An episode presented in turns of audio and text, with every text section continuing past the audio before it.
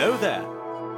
Og velkommen til Crossover Gaming episode 24, som begynner med en hilsen fra Obi-Wan Kenobi. For hva har vi fått siden sist? Sagbruket? Ja, det har vi også fått. Men vi har fått nyheten om at Obi-Wan Kenobi-show, det skjer. Yes! Live action TV-serie med Obi-Wan Kenobi, og Ewan McGregor kommer tilbake i rollen. Det er jo Åh Disney, Disney, 23-messer, det var ja. høydere, altså. The Så mye gøy. The Mandalorian. Lord. Uh, og uh, trailer til episode 9, som jeg ikke skal spoile, men det var sånn øyeblikk. Ja, det var Mhm. gøy. Og, men for meg så var det uten tvil bekreftelsen. Ewan McGregor kommer tilbake i rollen som Obi-Wan Kenobi og får seg faktisk et live show. LARP. Uh, ja, men altså Jeg fikk en tanke når det gjaldt det TV-showet, fordi nyheten um, Nyhetssaken var jo noe sånt som at Obi-Wan Kenobi Show confirmed, eller noe sånt. Hva hvis de bare hadde laga et talkshow som bare het The Obi-Wan Kenobi Ja, Show? det var det jeg tenkte på. Men, uh, Der Obi-Wan said, ah, next guest needs no further introduction. Because I Please already know who he is. Yes, please welcome Jabba the Hutt. Hello there. Og sånn introstemme. Ladies and gentlemen, it's Obi-Wan Kenobi. Hello there. Hjertelig velkommen til episode 24 av Crossover Gaming. Vi må introdusere oss sjøl for eh, nye lyttere og for eh, gamle tilbakevendere i denne menigheten. Mitt navn det er Inga Takanobu Hauge. Og eh, jeg sitter da i dag i eh, det som kalles for Sagbruket. Mm. Og det er jo da studioet til Kristian Fonneland. Yes. Jeg ser du sitter på en haug eh, med sagspon her. Ja. Klør det litt, Inga? Det klør litt overalt, det, men eh, hva er vel livet uten litt lidelse av og til? Ja. Og ifra Kristiansand, ikke fra Le Garage, men ifra The Batcave, så sitter Mats Jakob Nesmann. Yeah! to me. Yes. Det er veldig bra. Du sitter i The Batcave, og jeg sitter med Spiderman-T-skjorta. Så nå får vi krangla så busta fyker. Mm. Men du er ikke med lenger. I, du er jo Er ikke du alene utenfor? Nei, kommer du tilbake igjen? MCU? Nei, ja, det, ja, for det er jo det triste i av sånne filmsaker og sånt. Det er jo at det, det kan jo se ut som at Spiderman og MCU er, er ferdig. Ja, det er vel litt Sony som eh, Sony og, Mar nei, Sony og Disney eh, krangler litt om pengene. Disney vil ha mer penger. eh. Ja. Så um, der kan det se ut som at Sony bare tar Spiderman og går og lager sine egne filmer. Og vi vet jo alle hvordan det har gått før, så Great. Ja, Men faktisk, da, det skal Sony ha. Sony har laga Spiderman Into the Spider-Verse, som jo er kanskje den beste Spiderman-filmen. Ja, men Ja, det er jo en animasjonsfilm, da. Ja, og det er jo en animasjonsfilm, så det er jo det som er litt sånn Ja. Um, Men uh, det, den, den dealen Sony har på Spiderman, er jo helt sinnssyk. Den er jo Mm. det. De har sant? en lisensen Altså eh, til det uendelige. Så lenge de lager en film hvert tredje år, så beholder de lisensen. Så Mm. kan ikke noen ta det fra dem. Det er jo helt Det er jo er en det helt samme syk med. X-Men òg? Nei, for X-Men er jo havna tilbake igjen hos Disney, fordi at X-Men-lisensen var solgt til Fox, og Disney har jo kjøpt opp Fox. Ja. Ja. Eh, Så. X-Men er jo tilbake igjen i Marvel-universet, og det er jo bekrefta at en ny Fantastic Four-film skal Mm. komme i antageligvis fase fire av MCU. Ja. ja. Eh, Så det er jo bekrefta, og da kan vi på en måte bli kvitt de gamle Fantastic Four-filmene, og særlig da den siste, som jo var katastrofalt mm, mm. dårlig. Silver, Eh. Silver Surfer. Eh, Nei, ikke med Silver Surfer, den som de lagde for sånn tre-fire år En siden. Reboot, ah, ja. liksom. Den så jeg ikke. Men Så ja. apropos det. Jeg så Mm. en helt fantastisk gøy film i går. Ok. Alita Battle Angel. Har dere sett den? Oh. Ja, nei, men Jeg har ikke sett se den ennå, men eh, kanskje jeg og Christian må ta en mandate på Ja, den på min 65-tommer. Jeg Yes. jeg ble så positivt overraska, for det Ja. Jeg tenkte at liksom mm, Det her kan være kjempegøy, eller det kan være dritt. Og så syns jeg at eh, noe av estetikken var litt sånn merkelig. Og så, Mm.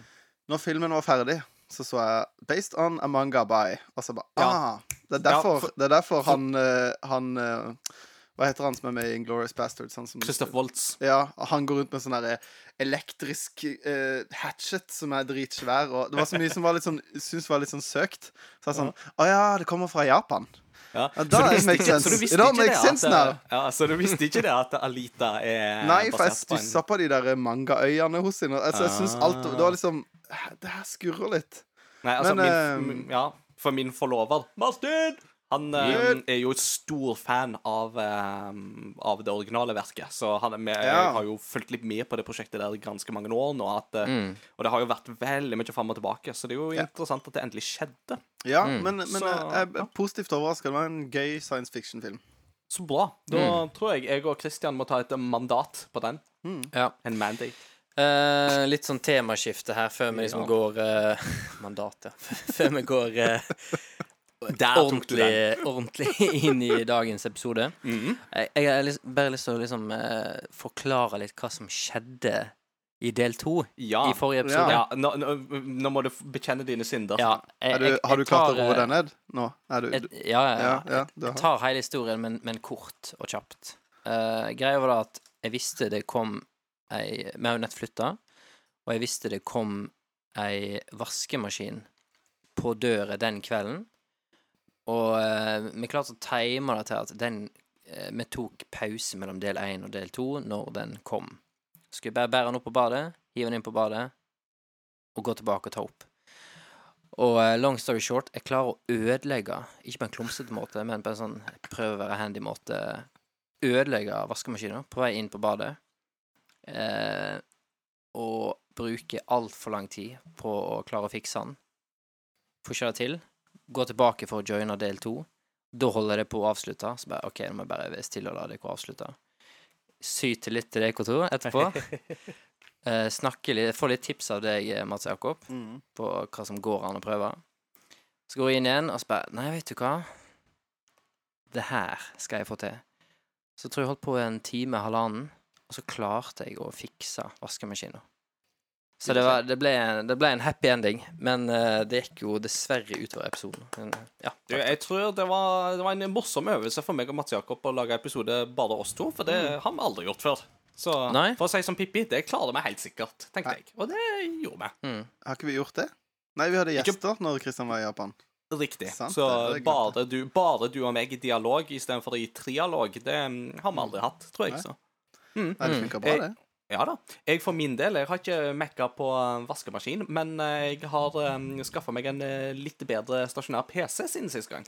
Stemmer. Ja, for jeg har, en, um, jeg har hatt en som jeg har spilt en del Overwatch med, som skulle selge PC-en sin. Uh, og da Og jeg var egentlig litt sånn i beit i høst etter en ny prosessor. Uh, for at det, den var det egentlig litt sånn klar for utskifting. Ny prosessor og ny skjerm. Men det å skifte prosessor det er jo en ganske krevende oppgave, har jeg skjønt, for da blir du fort skifte hovedkort og sånne ting òg. Mm.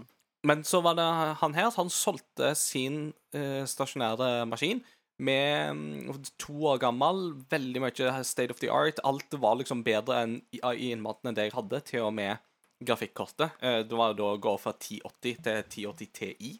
Um, og med vannkjøling og hele pakka. Og da var det bare tenkt at Oh eh, yeah. ja, men vet du hva? Altså, det blir litt dyrere, men hvis jeg kjøper den, og så får kona den stasjonære som jeg har i dag Solgte du den til kona for dobbel pris, da? Ja, riktig. Eh, sånn, eh, Hvitvasking! vårt, yes, vårt eh, ekteskap er fullstendig, holdt jeg på å si, pragmatisk av eh, natur. Mm. Nei da. Eh, så hun gikk jo da opp fra en laptop til en stasjonær, eh, som jo er ganske bra hopp for henne, for å si det sånn. Ja, og så shit. fikk jeg en stasjonær PC som var litt bedre, og med en skjerm med G-synk og hele pakka, så det er knallkos. Nice. Digg. Så eh, ja, så mm, jeg har ikke mekka på um, vaskemaskin, men jeg har i alle fall eh, Mekka fått på litt- maskin. Ja, og fått litt hjelp av uh, min fetter Eirik. Og uh, jobba litt, og så ja, klarte å koble til en harddisk etter hvert litt sjøl, med litt god hjelp om liksom hvordan jeg skulle gjøre det og skru og sånt. også. fikk jeg ordna med kabler og sånt etter hvert, så Nice. good to go. Kult. Yeah. All right, karer. Vi har en episode foran oss. uh, den eh, neste halvannen til to timene. Um, og nå har vi jo drøsa litt om hva som på en måte skjer i eh, hverdagen. Mats Jakob, du har jo uh, vært så kreativ at du har jo laga kjøreplan til oss og greier, vet du. Oh yes. Yes, Så Mats Jakob er liksom blitt eh, the new grand organizer i, blant oss her. Så hvis Kristian får opp eh, kjøreplanen, så kan vi jo introdusere det neste steget i liturgien.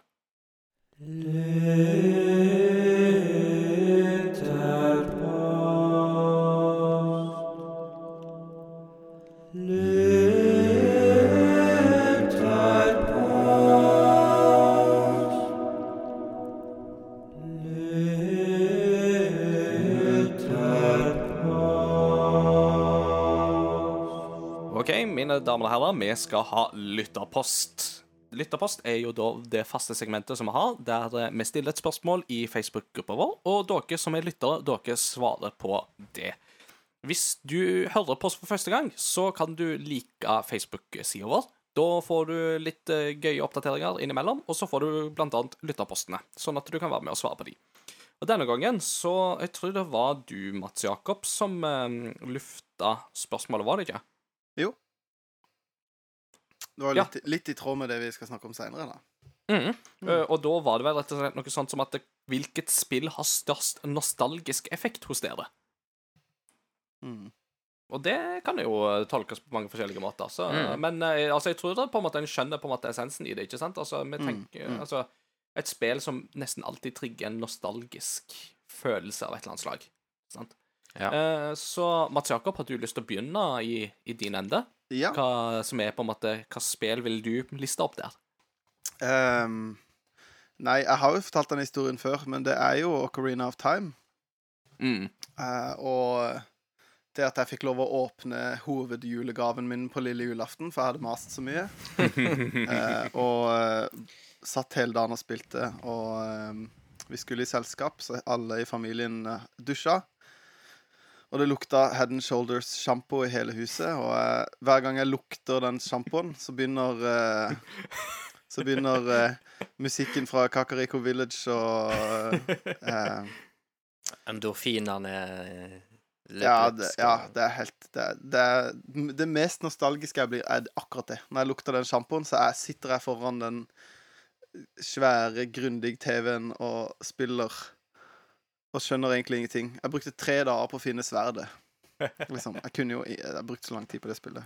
Så hver, så, hver gang du går forbi eh, på en måte sjampo- og kosmetikkavdelinga i butikken, og så Ja. går du forbi Head Shouldersen, og så plutselig så begynner du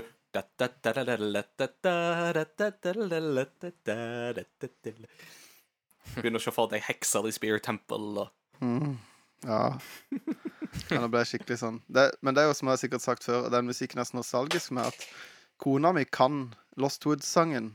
Hun går plutselig begynner hun bare å nynne på den. Er det bare fordi jeg har nynna på den. Hun aner ikke hva det er for noe. Det er jo fantastisk, Det er helt tenker jeg, da. Ja, så det Ocarina of Time, det er din pitch. Oh yes. Yeah. Christian, hva med deg? Yeah. Jeg har lyst til å si to spill, er det greit? Yes, tell us! Tell us Um, both of them! Det, det eldste av de sånn, nostalgiske spillene Altså, jeg spilte veldig mye Super Nintendo. Det var jo min første konsoll. Mm. Spilte mye Gameboy. Men det som trigger hardest nostalgisk følelse, er nok fra at Litt sånn som du nevnte med Selda, at du har, liksom, du har brukt så mye tid på det i barndommen. Mm. Og det er nok eh, Rayman 2, The Great Escape, Nice. på PC, da. eh, der òg, litt samme som deg, Mats Jakob, at når jeg hører ikke bare musikk, men litt sånn lydeffekter av at du du unlocker et eller annet, da, eller du, Mm. finner, du klarer liksom å komme videre. Så har du en sånn du, du, du, du, du, musikk, og da blir det helt sånn her eh, Sånn orkestrert, ganske bra lydkvalitet. Da Mm. blir det helt sånn her eh, ah, Mør i kroppen. Ja. Det er bra spill. da. Ja. Og så har jeg òg lyst til å nevne Warcraft 3. Mm. Det brukte jeg eh, Akkurat det spillet der, så kunne jeg liksom glemme hva klokka var. Og jeg glemmer liksom at At jeg satt på datarommet uten vindu og uten eh, luka åpen. Mm. Og at det liksom Oi, shit, jeg er jo svett, for det er så varmt her inne. Men jeg har ikke merka det engang, for at jeg er så dypt inne i cam Nice. human campaign i Nice. Warcraft 3. Er du, er du klar for uh, Reforged, da, når det kommer ut? Veldig. Ja. Jeg har Vi drevet og vet jo ikke ennå eh, helt når det kommer, men vi får jo håpe at det etter hvert eh, kommer en dato på det. Så. Mm. Ja, Eh, Jeg har fortalt deg den der historien med Jeg, jeg husker ikke hvilken av disse her enhetene, men hvis du klikker lenge nok på den enheten, mm. så tror han jo nesten etter hvert at du er holdt på å si, en guddom, for da begynner han å rope I have been chosen by the great metal hand in the sky!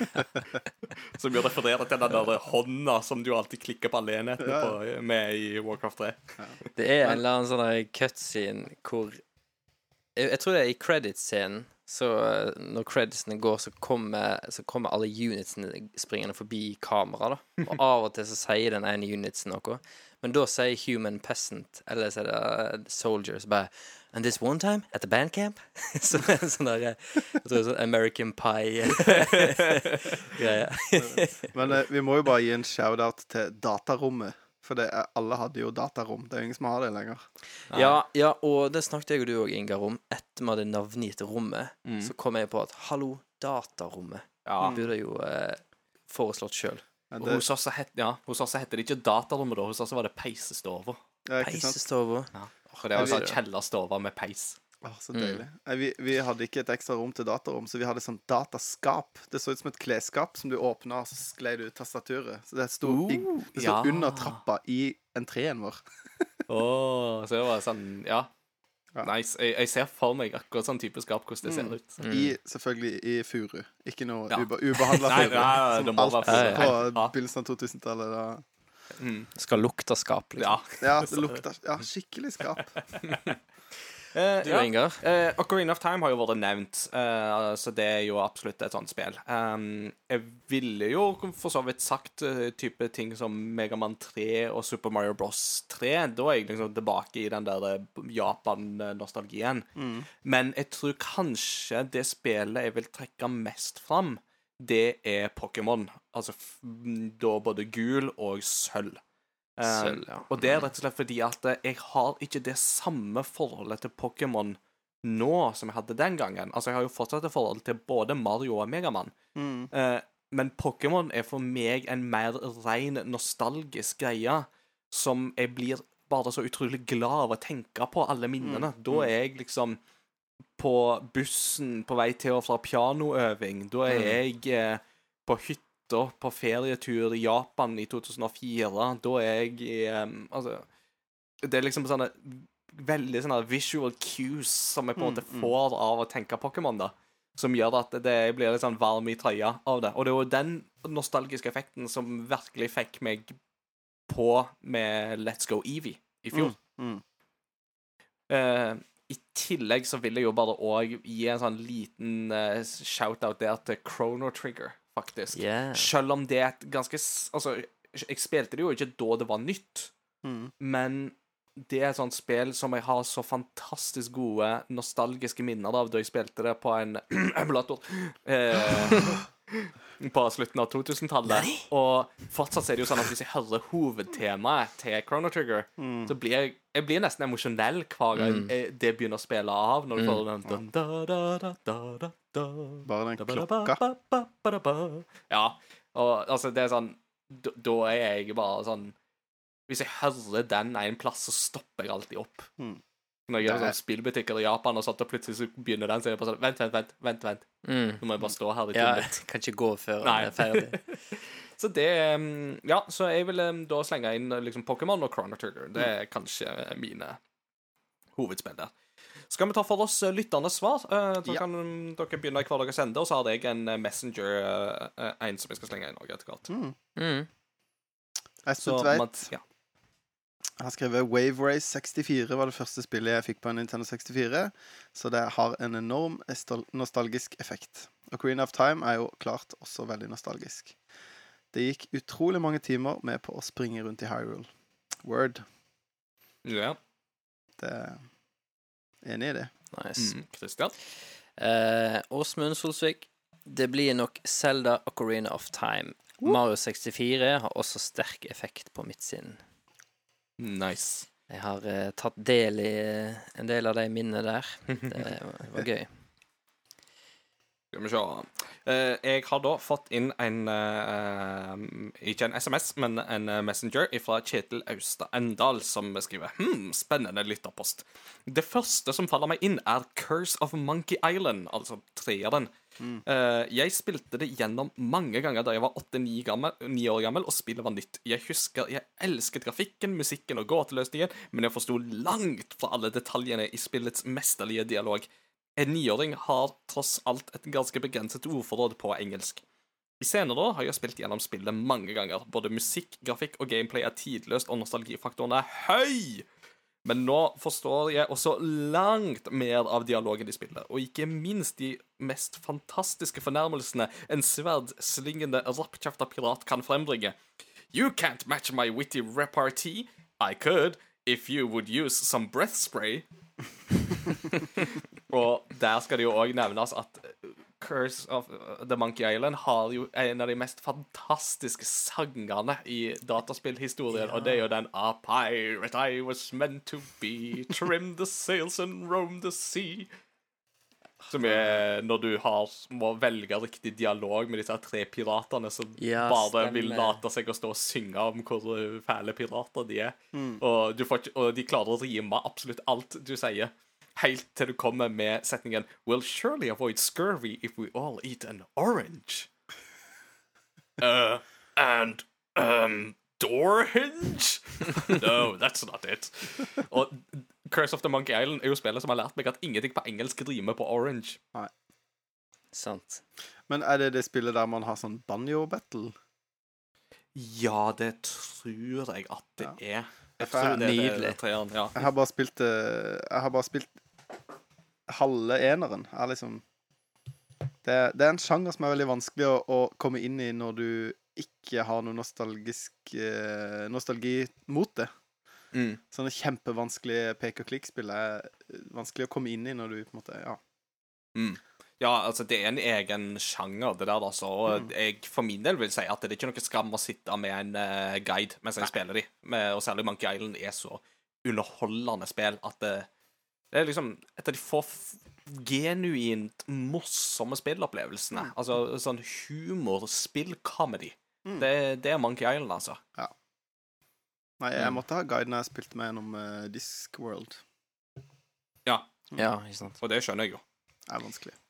Ehm, er det din tur, Og Mats Jakob? å Ja. ta en? Mats Hauge skriver Vanskelig å bare velge ett spill. Megaman eh, Står det 6X, men det skal vel være X6? Gange 6, tipper jeg. Enten så, Ja. er det Megaman, eh, enten så er det Megaman X6 han mener, eller så er det Megaman gange 6 han Ja, mener. altså de de første, på ja. Jeg, jeg, ja, jeg skal ikke dømme, men jeg håper jo det. Mats, du må gjerne avklare, fordype i kommentarfeltet. Ja. Eh, så han skrev Det var et MMO med navn eh, Flyff. Fly for fun. Som jeg falt pladask for. Finnes fortsatt noen versjoner og servere, men det er ikke det samme. Hadde Flyff Classic på lik linje med WoW kommet ut, hadde jeg kjent på en voldsom nostalgi. Til slutt må, jeg, eh, må Crash Bandicoot-serien nevnes. Min favoritt er faktisk Crash Bash. Og det er vittig. Jeg tror aldri jeg har hørt noen nevne Crash Bash. Hva, Wow. Hvorfor heter det nå igjen? Det er det Mario Party-klonen. En, Ja. en litt dårlig Mario Party-klone, syns jeg, da. Nå skal jeg, som sagt, jeg, jeg skal ikke dømme det, men uh, Hvis det er nostalgi, så er jo ikke den kritiske sansen eh, der som Nei. barn, kanskje. Mm. det er jo, Men det er jo, det er jo noe helt annet. For det var liksom Jeg husker iallfall at når Crash Team Racing kom, så var det så veldig kult. Det var, det var på en måte veldig bra. En Mm. gøy take på den kartgreia. Og så var på en måte Crash Bash på, var på en måte ikke samme nivå i forhold til Mario Party, da. Nei. Som Crash Team Racing var på Mario Kart. Mm. Mm. Uh, skal vi se Kristoffer Eknes. For min del er det få ting som er mer nostalgisk enn Jungle Book, Super Mario Brothers, inkludert 2 og 3, Duck Hunt og Teenage Mutant Ninja Turtles på Nes. Uh, og så ikke minst The Games Winter Challenge. Det, det er hele barndommen oppsummert. Hmm. Mye nice der.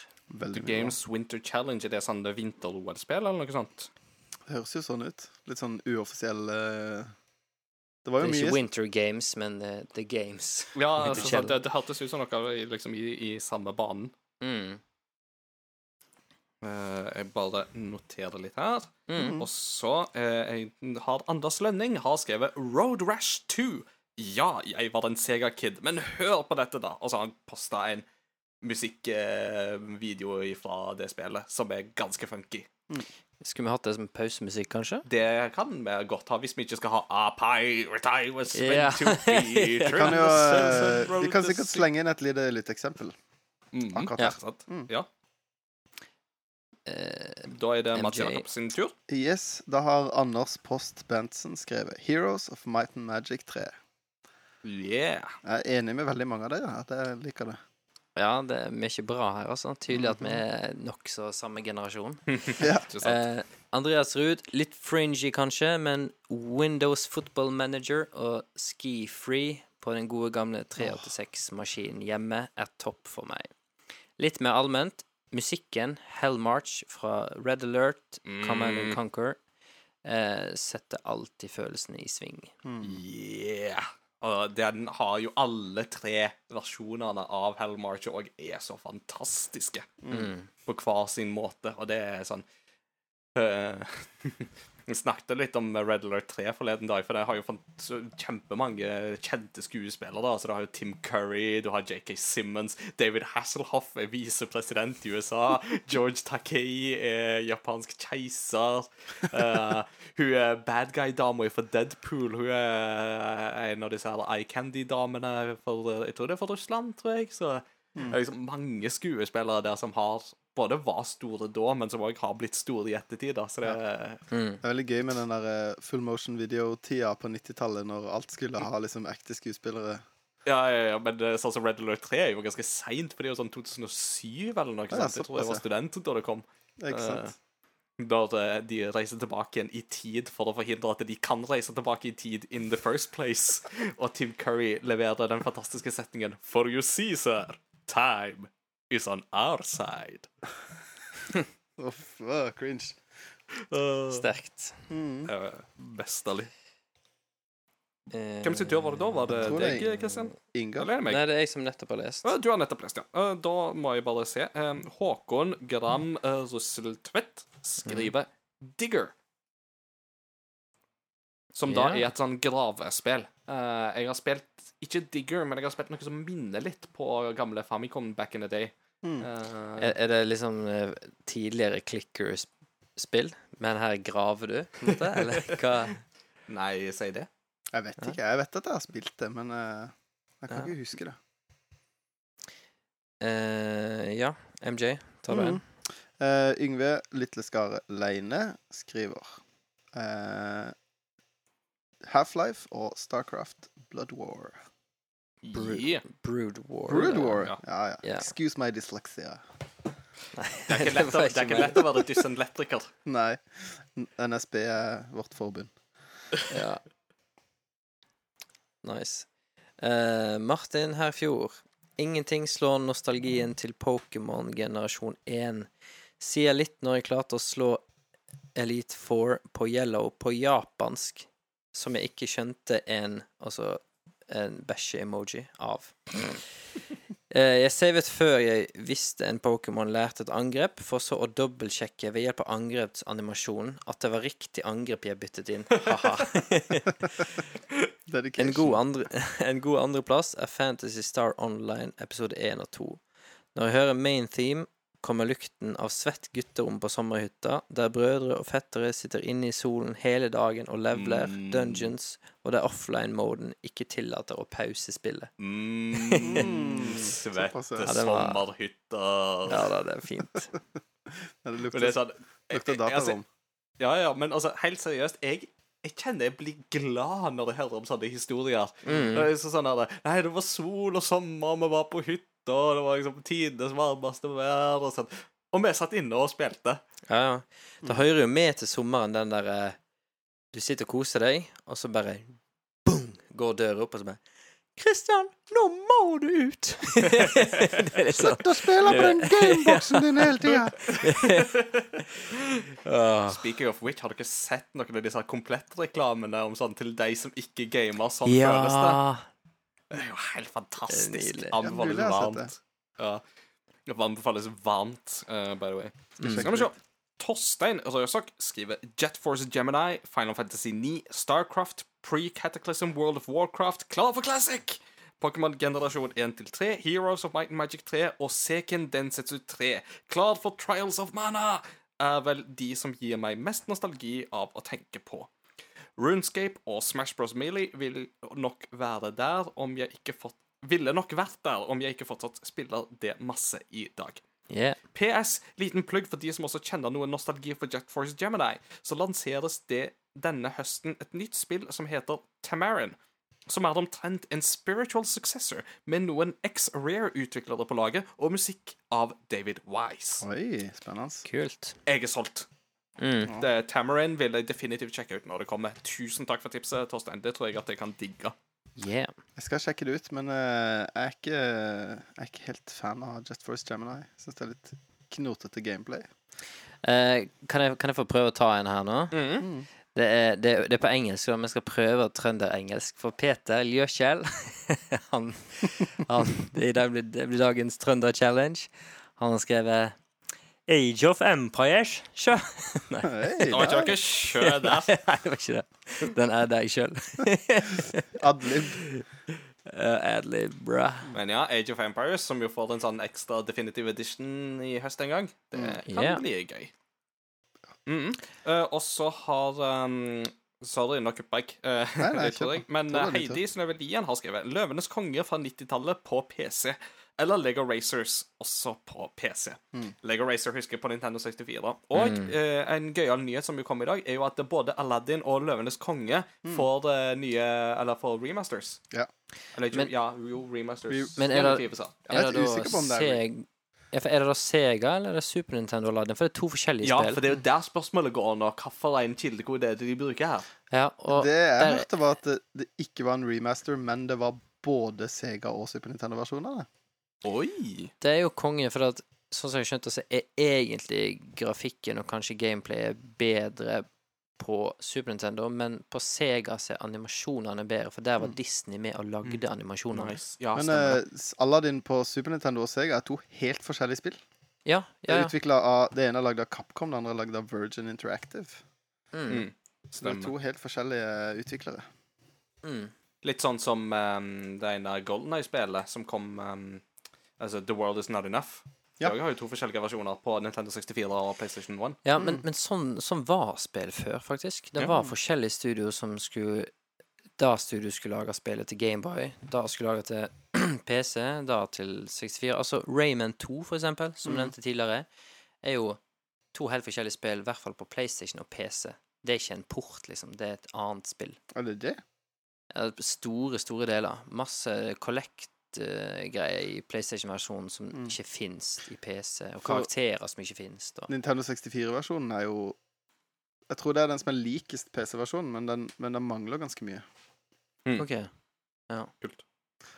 Ja, det var alle, var det ikke det? Ut. Jeg tror det var alle. Hvis Ja. ikke jeg plutselig har lest et eller annet veldig veldig feil. Nei, ganske sikker på at det var alle. Da sier vi tusen takk til våre trofaste lyttere. Som eh, Altså, det er så gøy når dere svarer, og det, dere er så kjapt ute òg med å svare. Mm. Det gleder en eh, gammel uh, grå gamer som meg. Iallfall. Yeah. Mm. Da kan vi videre. Jeg mener, nei da, du er ikke gammel. Great How save, nice. man. How Great nice. save. Vi- Der skal- bullet.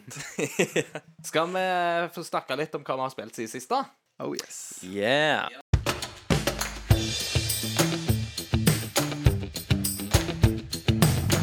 What you been playing lately? What you been playing lately? What you been playing lately? What you been playing lately? Da kan vi jo um, Christian få lov å gå først, tenker jeg, denne gangen. Ja, altså, jeg eh, skal ikke drive og klage og mase, men jeg er fortsatt litt sånn i eh, flyttekaos. Så hodet mitt er litt sånn eh, rotete for tida. Mm. Uh, så jeg trodde ganske lenge at jeg har jo ikke spilt noe nytt til i dag. Jeg har bare spilt litt Warframe, litt Destiny, same old, litt videre på Fire Emblem. Mm. Uh, men det jeg kom på når jeg og du, Inga, satte oss ned her og rigga opp, er at jeg har jo prøvd et helt nytt spill. Som det er vel i beta nå. Eh, for mange er det kjent som Dota Auto Chess. Men eh, det var en mod, en eh, spiller mod. Og nå når Valve har liksom gitt det ut sjøl, så heter det Dota Underlords. OK. Uh, da må du forklare meg noe. Ja. Jeg har hørt masse om dette auto-chess-greiene, Ja. men jeg har ennå ikke satt meg inn i hva det er. Og jeg har ingen peiling. Jeg ser for meg sjakk som blir spilt av seg sjøl, og det høres egentlig ikke så gøy ut. Nei eh, Så forklar meg, hva er auto-chess-konseptet for noe? Uh, måten du Måten currency fungerer i spillet, da, eh, kan på en måte i starten minne meg kanskje det mest om et sånn kortbasert spill, sånn som Hearthstone. Ja. Altså, når en match starter, så kom Du blir matchmaker med Jeg lurer på om det er sju andre spillere. Sånn at det er åtte spillere i samme rom. For at i løpet av én eh, kamp så skal du ha mange matches, da. Mm. Mot eh, alle disse spillerne. For du, du matcher bare mot én om gangen. Og Ja. så til slutt blir den ene slått ut, og så blir en til slått ut, og så er det til slutt en som er igjen i rommet, på en måte, da. Og Mm. da har den vunnet. Eh, og når du starter spillet, så får du randomized opp La oss si det er vel fire eller fem units. Og så ser du liksom litt hva de er for noe, og det er heroes henta fra Dota, da. Riktig. Og så koster de forskjellig ut fra hvor gode de er, og så er de liksom Ja, den uniten er den typen her, og hvis du har mange av den typen der, så gir de bonus til hverandre. Så kjøper du en unit, eh, da havner den på en måte i dekken din, eller inventorien din, og så setter du den på brettet. Mm. Og da kan du sette den hvor som helst på din banehalvdel. Og mens du gjør det her, så tikker klokka ned, for du har bare sånn 15-20 sekunder på deg. Og i dag klokka blir null, da blir du automatisk matcha. Enten mot eh, noen NPC-er, for det fins NPC-runder, eller mot en av de andre spillerne. Og da, sånn som du sier, Ingar, derifra så slåss de automatisk, da, basert okay. på stats og hva unit det her er. Og så varer runden kanskje sånn maks sånn 15-20 sekunder. Det går ganske kjapt. Hm. Og så er du ferdig, og så vant du, eller du tapte. Vant du, så får du gull. Tapte du, får du gull, men litt mindre. Og så mister du liv, da. Mm. Og sånn går liksom rundene. Og sånn, og sånn går nå dagene. ja. Og så får du men, men så er det et ganske dypt system, det her, da. For liksom, OK, hvis jeg kjøper tre stykker av den uniten, da merger de sammen til en rank 2 av den uniten her. Da tar det mindre plass i dekken og mindre plass på brettet. Mhm. Eh, og eh, du lærer deg litt mer om hva typer passer bra sammen, hva typer er liksom Hva units bør du prøve å få tak i. Mm. Men det som jeg syns var litt sånn interessant, da, som jeg ikke fikk med meg i starten, jeg tror ikke det blir sagt i tutorialen, men som er ganske viktig, er at alle i det, i det gamet her, alle åtte, deler på samme character pool. Så det vil si at du må faktisk følge med på hva de sju andre kjøper. Mm. For hvis du tenker ah, jeg vil ha den uniten der, og så vil jeg kjøpe mange nok av den uniten for å få den i rank 3 i løpet av, match, i løpet av det gamet her. Mm. Hvis du, da, hvis du holder inn tab, så kan du se statsene til alle de andre spillerne, og så ser du bare Oi, det er fire andre som har kjøpt den her òg. De går for samme taktikk som jeg går for.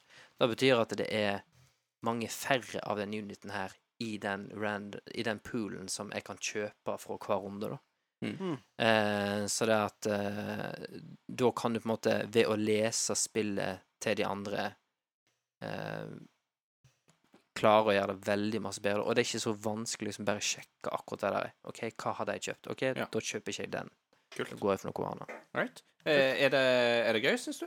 Jeg eh, Det var veldig mye artigere enn jeg hadde trodd. Jeg Ah. har tenkt litt sånn så bare sånn der OK, de slåss av seg sjøl. OK, er det her noe artig, da? Oi, der var det gått to timer, ja. det tar jeg som et godt tegn. Ja, så det, alltid det er veldig kjekt, altså. Og eh, sånn som jeg har skjønt det, så fins fortsatt autochess. Og de, de er litt forskjellige, så det er noen som fortsatt liker bedre autochess, da. Eh, og det er en del sånne ting uh, som du merker at uh, Dota Underlords, som er det offisielle, altså, at det er i beta, at det er litt sånn tidlig ute, for det er litt sånn på alt utenom når du er i game, så er det litt sånn tynt. Mm. Men, Ja, Ja. men det er gøy, altså. Og det er litt kjekt å være med på et sånt type kompetativt spill litt sånn i starten. Eller jeg føler jeg er med litt sånn i starten nå, da. Ja. Så det er Mm. gøy. Det Du kan, og det er tilgjengelig på eh, mobil, PC, alt sånt, og så er det samme profilen du bruker, da. Så det er, det er crossplay, er det, med Ja. andre ord. Kult. Nice. Yeah. Awesome sauce. Yeah. Har du noe mer du eventuelt ville dele med klassen? Jeg er kommet til Act 2 i Fire Emblem, Three Houses. Hei, hei, hei. Og der skjer det ganske kule storybaserte ting som jeg og du, Mhm. Inga, har eh, diskutert. Men det skal ikke jeg spoile her. Men Vi eh, har uh, We've compared notes. Ja, for vi har jo valgt forskjellige hus. Ja, vi har så. Eh, og så hadde jeg en Smash-kveld i går med Adrian og Torstein, som vi nett hørte fra i Lytterposten. Så gøy. Mm. Torstein er altfor god. Jeg har mistanke om at han lot meg vinne på slutten fordi jeg var sur. jeg tok en sånn eh, som er deg, Mats Jakob, at jeg holdt på å bli wipa ut, og så tok jeg en sånn reset, eller back to menu. Å nei. Sorry, jeg, er, jeg kan bli en sånn av og til, altså. Ai, ai, ai, Ja. ai, ai. Takk for meg. End on a low note. OK, da sier vi takk til deg. Det var litt sånn holdt på å si synsbekjennelse og sånt inni der Ja, òg. Og ja. det, vi er jo en tilgivende eh, gamingmenighet, vi som Mm. sitter her. Så i min ypperste prestelige rolle, så du får herved absolusjon. Takk. Yes.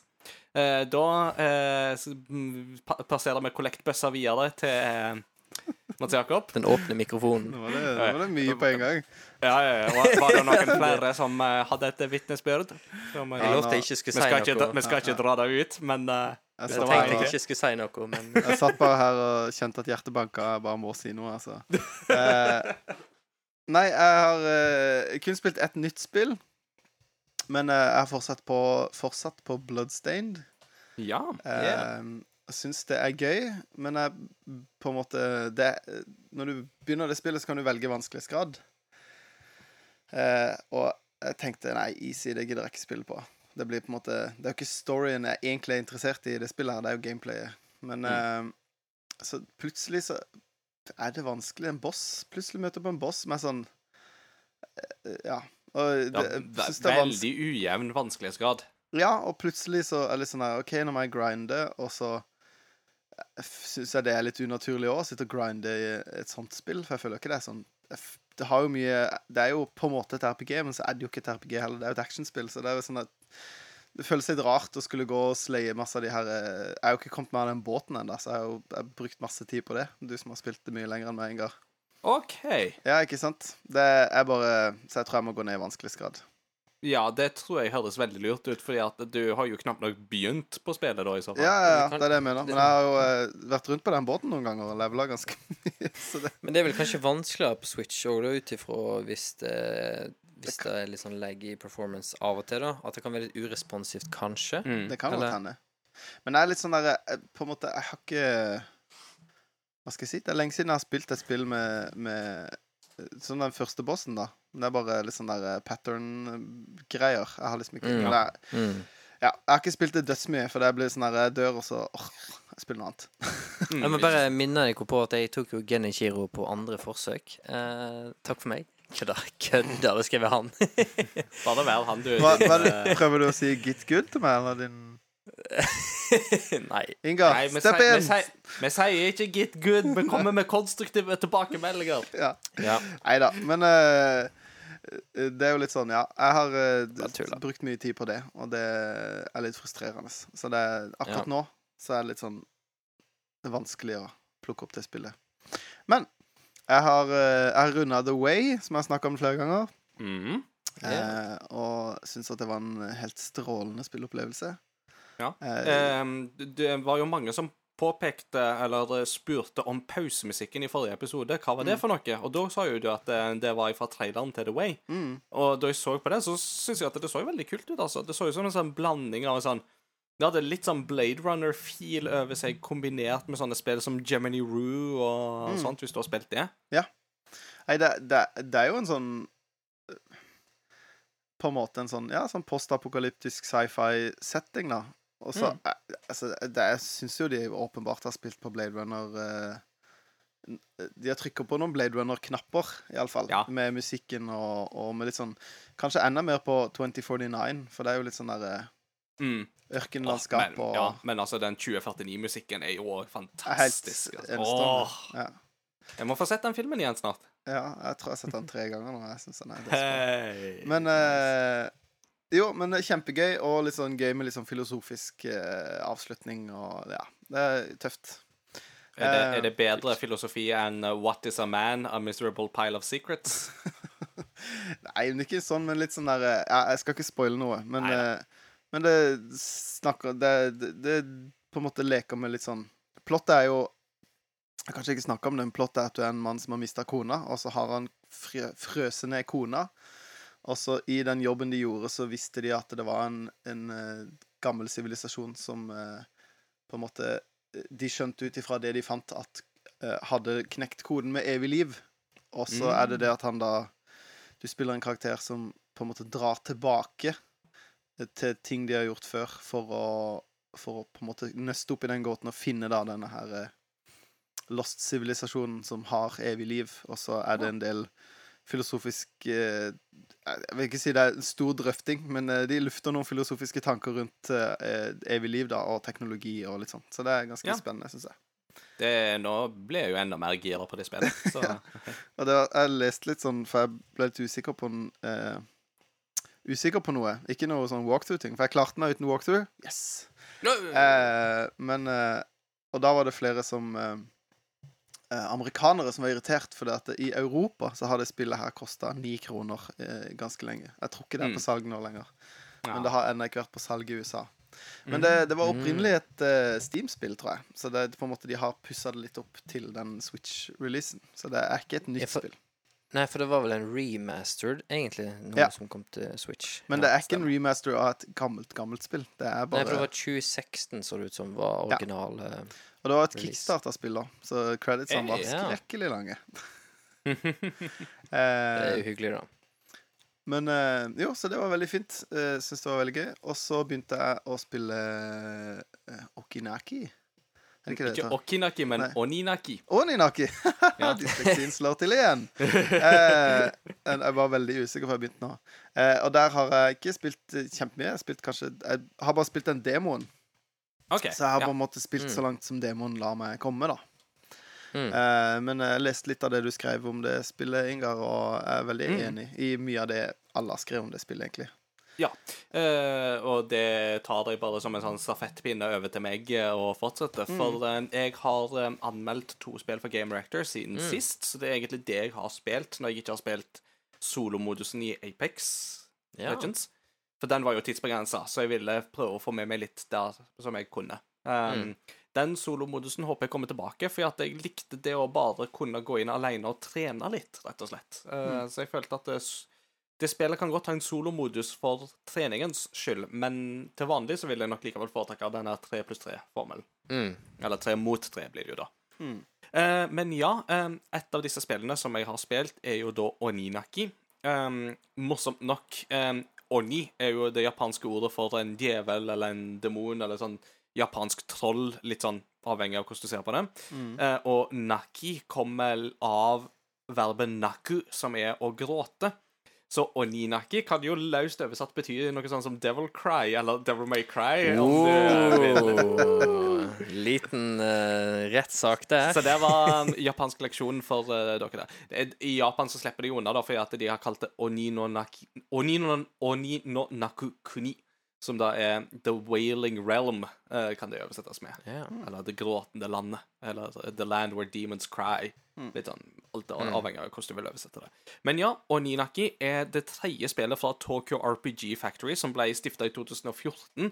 Og de begynte jo med en sånn filosofi om at de skulle være et lite studio som prøver å lage litt sånn The RPGs of yesteryear.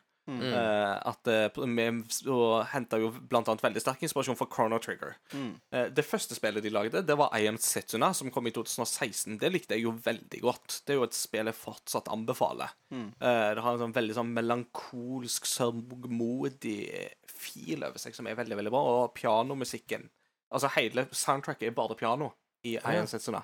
Som, Ja, stemmer, og og han, han var 22 år gammel da han komponerte det. Oi, tøft. Oi. Så han er jo ung, et ungt talent der, altså.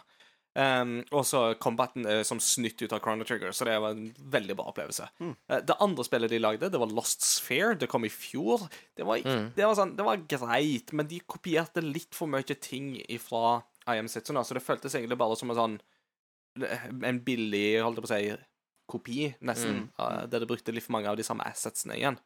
Så da er jo spørsmålet hvordan er det da med Oninaki, som er det tredje spillet? Og dessverre så virker det til å være på en måte det svakeste av alle spillene de har laga. Mm. Um, det er repetitivt, det er ganske kjedelig. Rollefigurene er veldig uinteressante. Um, fiendene òg er litt sånn det, Altså, de, de har gått ifra et sånn de har gått fra sånn Chrono Trigger, Final Fantasy 4 til 9 Active Time Battle-system som du hadde før, til mer sånn klassisk action-RPG. Som bare er sånn Du går inn, og så slår du på ting, eh, basically. Um, det som er litt gøy med Oninaki, derimot, er at um, han hovedpersonen som du spiller som, han kan ha fire sånne ånder med seg uh, til enhver tid, som du da swapper mellom ved hjelp av den ene stikka. Um, og de har forskjellige angrepsmønster og forskjellige skills som det gjør at midt i kampen så kan du switche til en som passer bedre for det. For den Ja. situasjonen der og sånt. Uh, så det funker jo greit. Premisset for storyen i Oninaki er jo ganske interessant, fordi at det er jo da en verden der de døde Altså der reinkarnasjon spiller en rolle. Um, og for at de døde skal kunne gå videre til den neste, altså sin neste fødsel, Mm. um, så er det veldig viktig at de som lever, de må ikke, de må ikke sørge. De må ikke være lei seg. Eh, fordi at da kan de skape anger hos eh, åndene. Eh, og da blir åndene på en måte hengende igjen. Da går de ikke videre beyond the veil, som de kaller det. Mm. Um, så dette er et spill der du veksler mellom de levendes verden og de dødes verden, altså lys og skygge. Eh, og hovedpersonen spiller da en watcher. Eh, eller han, han, han er en watcher, som det heter, som i den verdenen har evnen til å reise mellom disse to verdenene og hjelpe åndene til å på en måte OK, du, du henger fortsatt igjen. Hva er det som plager deg? Og så, ja. Eh, men det er jo klart at det, det er veldig interessant premiss, da, fordi at eh, det å undertrykke sorg og den type følelser og sånne ting er jo ekstremt destruktivt for oss som mennesker. Ikke sant? Mm. Eh, og igjen så er det jo på en måte vi responderer jo forskjellig på død og sånne ting. Alle kulturer forholder seg jo til det. Eh, men så har du jo definitivt på en måte kulturer der man på en måte har vært litt opptatt av at du skal ikke vise for mye sorg, iallfall ikke i det offentlige rom. og sånne Mm. ting. Jeg vil jo tippe at det kanskje eksempel mange i østasiatiske kontekster som kjenner seg igjen i, i den problemstillinga. Mm. Um, og så viser jo dette spillet at her har du plutselig et helt kongerike som er på en måte bygd opp rundt det der uh, da. Um, for å ta liksom det aller første oppdraget du spiller, så er du en et, et barn som har dødd, og som vil se foreldrene sine igjen. Uh, Mm. Og så er det sånn Ja, jeg kan ta deg med til de, og du kan se de, men de kan ikke se deg. Er det greit? Ja, ja, sier ungen. Det er greit. Og så går du og besøker foreldrene, og så er de sånn ehm, Å, takk for at du eh, tar med sønnen til oss. Vi kan ikke se han, men vi merker at han er der. Men så i samtalen så innrømmer plutselig kona at hun klarer ikke å la være å sørge. Hun, hun, hun vil så veldig gjerne være med sønnen igjen, og for å på en måte lette det at han skal gå videre til den neste verden, så ber hun deg ta livet av meg. Sånn at jeg kan være med sønnen min Mm. videre. Mm. Um, og da tar du rett og slett som watcher og innvilger det ønsket deres. Uh, så både på en måte mor og far da uh, Dark. Så det er veldig dark til tider, Mm. og det kunne vært så bra, men så er det en veldig fragmentert historie, uh, og det er veldig sånn hopper veldig fort videre fra liksom ett plattpunkt til det neste, så det er veldig lite sammenheng her, og det blir på en måte aldri på en måte den dybden en skulle ønske, altså. Så Oninaki var dessverre ikke en anbefaling fra min side, og det er veldig synd, for jeg likte RPG Factory, men um, Tokyo RPG Factory likte jeg veldig godt, men det er sånn Jeg tror de har vært en one hit wonder, litt sånn på lik linje Ja. med Michael Learns to Rock, om du vil, for å ta en musikkparallell der.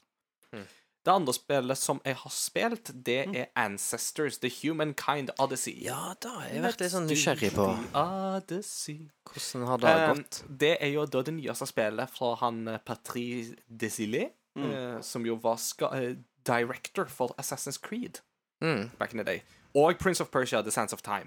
Så En, han egentlig en dyktig mann der. en veldig dyktig mann. Og, altså, altså, han var jo leda utviklinga av de tre første Assassin's Creed-spillene. Mm. Uh, så arven hans er jo monumental, for å si det mildt. Ja, Assassin's Creed 2 og Brotherhood. Ja. Mm. Så um, siden han forlot Ubisoft i 2010, så har ikke han på en måte fått laga så mye nytt. Han hadde et prosjekt som gikk litt dukken da THQ gikk konkurs i 2013. Eh, men Ancestors er jo da det første nye spillet hans eh, på en god stund, som de har brukt fem år på å lage. Uh, og her skal du da rett og slett ti millioner år tilbake i tid, og så skal du spille menneskehetens forfedre. Så du spiller en gjeng med primater. Så det er ikke Homo sapiens, men det er på en måte enda enda lenger tilbake igjen. da. Og formålet med spillet er egentlig du skal utvikle denne arten videre. Du skal gjøre de mer tilpasningsdyktige, så de kan overleve det mm, tøffe miljøet i Afrika. eh, som da på en måte til slutt vil på en måte lede de til en sånn uh, homo erectus, homo sapiens, og på en måte videre den evolusjonsleddet. Mm. Så konseptet her er jo veldig spennende, eh, men det som er frustrerende med eh, Ancestors Jeg holdt på å si Assassins Ancestors. Eh, det som er frustrerende med det spillet, er jo det at det, begynner med en sånn tekst som at in this game you will play evolution, og så kommer da en sånn tekst der det står Good luck, we won't help you much. Eh, og det stemmer absolutt. Altså, de, spillet forteller deg ingenting omtrent om hva du skal gjøre, og hvordan du skal gjøre tingene. Selv når du har full tutorials på. Det er ganske frustrerende. Men Ja. det er jo litt sånn, det spiller jo på evolusjonære mekanismer. ikke sant? Det er jo ingen som har fortalt våre forfedre hvordan de skulle utvikle seg. Det var jo ingen som visste at utvikling var en ting engang. Det er litt, litt en kul tanke, da. Så det er en kul tanke, men det fungerer bedre på papiret enn det gjør i praksis. For hovedproblemet med Ancestors er egentlig det at det er ikke gøy. Det er Nei. interessant, og det har sine sider og øyeblikk, men in the long run så er det veldig Det som er på engelsk vil si, er grindete. Altså, det er veldig lite gøy, egentlig. Um, du lærer deg jo etter hvert liksom, nye evner og egenskaper. Og måten du gjør det på, er egentlig ganske gøy, for du må ha med deg kids. Du må bære på kidsa, uh, sånn at de ser hva du gjør. Og så dannes det nye nevroner i hjernen deres, sånn at de da fører det videre igjen til neste generasjon. Sånn at eh, Til å begynne med så kan du på en måte ingenting, men så lærer du deg ok, hvis jeg gjør sånn, så drikker jeg vann. Hvis jeg gjør sånn, så mm, slår jeg to steiner sammen. Og så vil disse tingene etter hvert bli automatisert i hjernene til de neste generasjonene. Sånn at de slipper å lære seg det, og så kan de heller konsentrere seg om å begynne å gå på to bein, eller de kan begynne å ta en stein og spisse en kvist, sånn at det faktisk blir et spyd. Og så masse sånne ting, da, som jo på en måte Det er er en litt sånn simplifisering av evolusjonsprosessen, men det funker for sitt formål. Uh, får litt sånne assosiasjoner til Spore. For Ja. der er liksom evolusjon viktig, Ja. liksom det, men det ble liksom ikke så gøy. Nei, ikke sant, for Spore hadde det samme problemet. ikke sant? Og problemet her er jo det at du har egentlig ikke noe overordna mål annet enn eh, survival of a species og å utforske området, altså savannen og jungelen i Afrika, for å finne nye habitater og sånt. Eh, så kommer du ofte til sånne nye områder der eh, du ikke har vært før, og da begynner du på en måte Du begynner skjermen å bli sånn grå, og så er det masse sånne skrekkelementer nesten som kommer opp, og da må du liksom gjøre deg kjent i lokalområdet, og så må du conquer your fear, og da slår du deg på brystet og bare «Ah! Litt sånn synchronized eh, ja, viewpoint. ja, eh. faktisk. Det er litt sånn den type prinsipp, da. Men, Ja. men det er på en måte alt spillet har å by på. Det er liksom en sånn rinse, repeat, rinse, repeat hele tida. Ja. Og det blir Når du ikke har en story, og du ikke har et overordna mål, så blir det dessverre kjedelig i lengden, altså. Ja. Nei, det er det jo ikke. Altså, det er jo bare primater du spiller, ikke sant? Alt er jo sånn ah, ah, Og så, ja. Så Oh, Unnskyld. Men jeg, går ja, så, Litt rørt her. Ja da. Nei, jeg ble ancestors ser til å bli rørt av Nei, det, det er noe rør. Det er det. Uh, nei, altså eh, Altså, Jeg tror jeg skrev noe sånn som i anmeldelsen min som at eh, altså, hvis du liker mer futt og apestreker, så er ikke dette helt spillet for deg. Men hvis du er en sånn uh, Curious George, hvis du er en nysgjerrig Nils, som liker det som er litt annerledes, så, så kan det være noe her likevel for deg å hente. Uh, du må bare ikke forvente at uh, dette spillet om evolusjon er en revolusjon. Mm. For det, det er det nok dessverre ikke. Og det mm, så er det litt synd. Eh, folk som vil vite mer om Oninaki og Ancestors, hva jeg syns om det, kan sjekke ut anmeldelsene på gamereactor.no. Der ligger de. Nice. Med det så tenker jeg at eh, vi skal gå imot en pause, men før vi kommer så langt, så har vi et par kunngjøringer. Eh, vi har jo nevnt dette med Disney-nyhetene om Obi-Wan og Mandalorian og alt det. Um, Capcom har annonsert noe som de kaller for Project Resistance. eh, der RE i Resistance er skrevet med store bokstaver, så alle vet at eh, det må bety noe Resident Evil-relatert. Eh, skal annonseres om to uker, så det er en annonsering av en annonsering. Eh, liker ikke de egentlig, men her kan det jo være snakk om både Resident Evil 8 eller ny versjon av Resident Evil 3, så det blir jo spennende å se hva de gjør. Tipper kanskje blir Resident Evil 8, med tanke på at forrige spill var en remake. Jeg, jeg holder heller en knapp på 3 jeg, altså. Okay. Resident Evil 3, så da får vi se Ja. hvem som har rett. Um, WoW Classic er jo blitt uh, lansert, og akkurat som for eh, 10-13-15 år siden, så står folk i kø for å komme seg inn i spillet. Så, Og i Eh, kø nostalgisk. inn i spillet. ja, til og med inne i spillet så står de i lineup. Det er noe av det rareste jeg har sett i hele mitt liv. Men, uh, nei, vi skal ha noen folk innom og snakke om uh, WoW Classic, tenker vi. Um, Neste når, episode. Ja, men de må få lov å få gjort litt mer enn å bare stå i kø. Ja. Mm. Um, har, du- ellers er det òg en nyhet om at Telltale Games kanskje gjenoppstår. Oi. ja, stemmer. For noen som kaller seg for LCG Entertainment, har kjøpt seg inn i selskapet og um, snakker da om å på en måte få i gang et par av disse lisensene igjen. Mm. Unnskyld. Um, så vi vet ikke helt hva det innebærer ennå, men uh, det kan jo bety noe sånt som at f.eks. The Wolf of Mangas 2 en dag blir en realitet. Det um, Vi vet ikke. Jeg lurer på om de som kjøpte de opp, er mest innenfor mobilspill. Var ikke det òg en litt sånn uh, bi... Jeg må innrømme at jeg har aldri hørt om LCG Entertainment Nei. før, så jeg vet ikke hva de gjør. Jeg. Nei, jeg tror i hvert fall det var det som var ryktet, at liksom Mm. var litt inne, Mm. innom der. Ja. Hvis folk liker Dota 2 og har uh, lyst til å få med seg uh, The International, som er denne her uh, årlige e-sportfinalen, så trenger de ikke reise langt til neste år, for da skal finalen finne sted i Globen i Stockholm. Oi. Yes, det- hører du det, Andreas? Det er litt kult. Ja, Andreas, shout out! Så um, For alle Switch-eiere der ute som ikke har spilt Ori and the Blind Forest, good news, everyone! Eh, Ori and the Blind Forest kommer til Switch. Gleder meg. Og det er en sånn def definitive edition. Ja, det er bare å glede seg, altså. Har, har du spilt det, forresten? Jeg har ikke spilt det. Åh, heldig gris. Det... Du får oppleve Ori and the Blind Forest for første gang. mm, Jeg gleder meg skikkelig. Det er Jeg har heller ikke spilt det. Du har kjøpt det, har du ikke det? Jeg gleder meg. Jo, jeg har hatt det liggende lenge, men jeg har ikke har ikke fått begynt på det. Oi, oi, oi, gutter. Dette her er nesten for gale. Nå snakker vi om mitt favorittspill fra 2015 utenom The Witcher 3, så Oh. Nei. Shame. Yeah.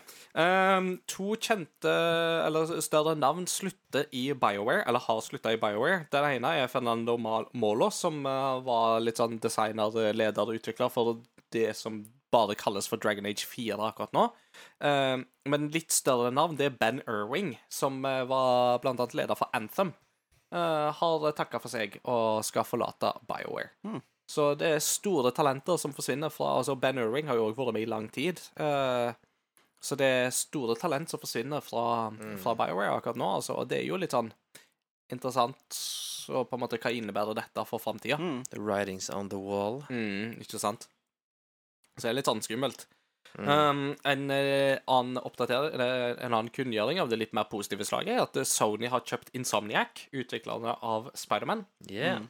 Så um, det, det gir mening, siden Spiderman solgte 13 millioner eksemplarer, eller noe sånt. Mm. De er jo så, So, yeah. altså, Insomniac har jo i praksis vært en andrepartsutvikler for Sony. da De har jo så å si Ja, eksklusivt lagd spill for de Mm, det er jo det. Unntaket er jo sånn som Sunset Overdrive. Ja. Um, Mm. Men det, er jo, det spillet gjorde jo ikke dritbra heller, da. Så det Nei, det gjorde seg ikke. Det er ikke så mange av de der, uh, egentlig. Det er det færreste av, føler jeg. Andrepartsutviklere. mm. Mm. Mm. Men uh, Du har liksom noen av de hos Nintendo, for eksempel. Altså Intelligent Systems, de som lager Fire Emblem og Advance Wars, de er jo en sånn andrepartsutvikler, for eksempel. mm. Um, en siste liten nyhetssak som jeg noterte meg fra i dag, er at Yakuza 7 er kunngjort, og de går bort ifra det gamle Yakuza-gameplayet. Eh, så nå skal det bli til et mer sånn RPG turn-based eh, system. Serr? Ja, helt serr. Ja, ok. Eh, veldig interessant. Men Yakuza 7 er jo det første Yakuza-spillet som finner sted etter Kiryu, altså Kiryu-Kazuya-perioden. Um, Ja. Han har jo vært hovedperson hele veien, men eh, de sa jo det at Yakuza 6 blir hans siste spill. Eh, så når Yakuza 7 nå er annonsert, så er det jo det interessant punkt å lage et nytt sånn tids... Altså Det blir en måte å markere et skille på, da, kan du si. Eh, Ja. Interessant nok der så kommer jo òg Yakuza 3, 4 og 5 i en sånn remastered pakke eh, på PlayStation 4, som sånn downloadable pakke. Mm. Eh, ikke sånn som disse her Kiwami-spillene, der de har på en måte bygd opp hele spillet på nytt, men det er mer en sånn HD-remaster, eh, bare sånn lett oppussing, da, til Ja. Men de er vel egentlig PlayStation 2-spill, er ikke? Uh, Yakuza 1 og 2 var det, Ja. og det er jo derfor de fikk seg nye versjoner, men Yakuza 3, 4 og 5 er jo PlayStation 3. Ikke sant? det er jeg med. Mm. Ja. Så, så det gir jo mening at de på en måte toner den litt ned, da. Mm. Eller ikke Ja. Men det blir jo gøy, da, for at da kan, har du en PlayStation 4, så får du tilgang på alt av Yakuza, mer, mer eller mindre. Mm. Du har fortsatt ikke det der zombiespillet, og du har heller ikke det mm, spillet som er satt til Edo-perioden i eh, Japan. Eh, men bortsett fra det så mm, kan du snart spille alt av Yakuza på en PS4. Så det er kult. Mm. Nice. Mm. Med det så tar vi en har- liten pause. jeg har en nyhet jeg. her. Ja, du har en nyhet. Ja. Ja.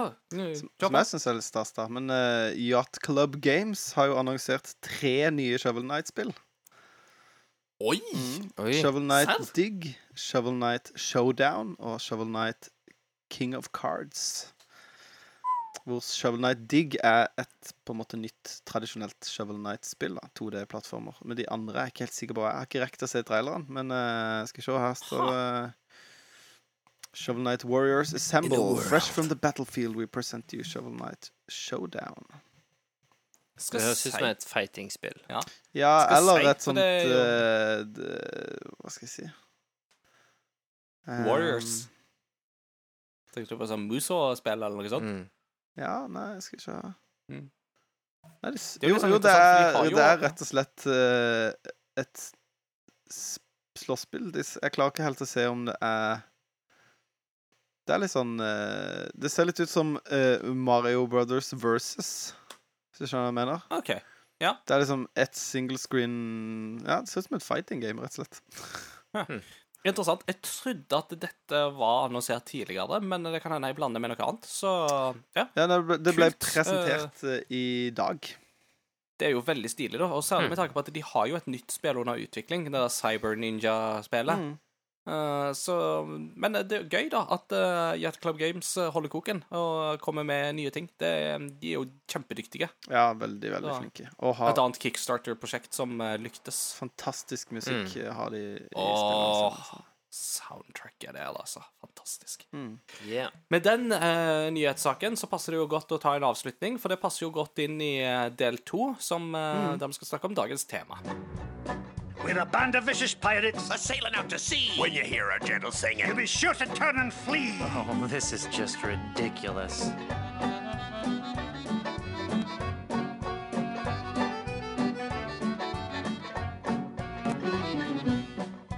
Come on, men.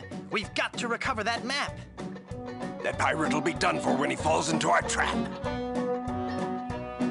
We're a club attuned for rovers. We can sing in every clef. We can even hit the high notes. It's just too bad we're tone deaf. A pirate I was meant to be. Trim the sails and roam the sea.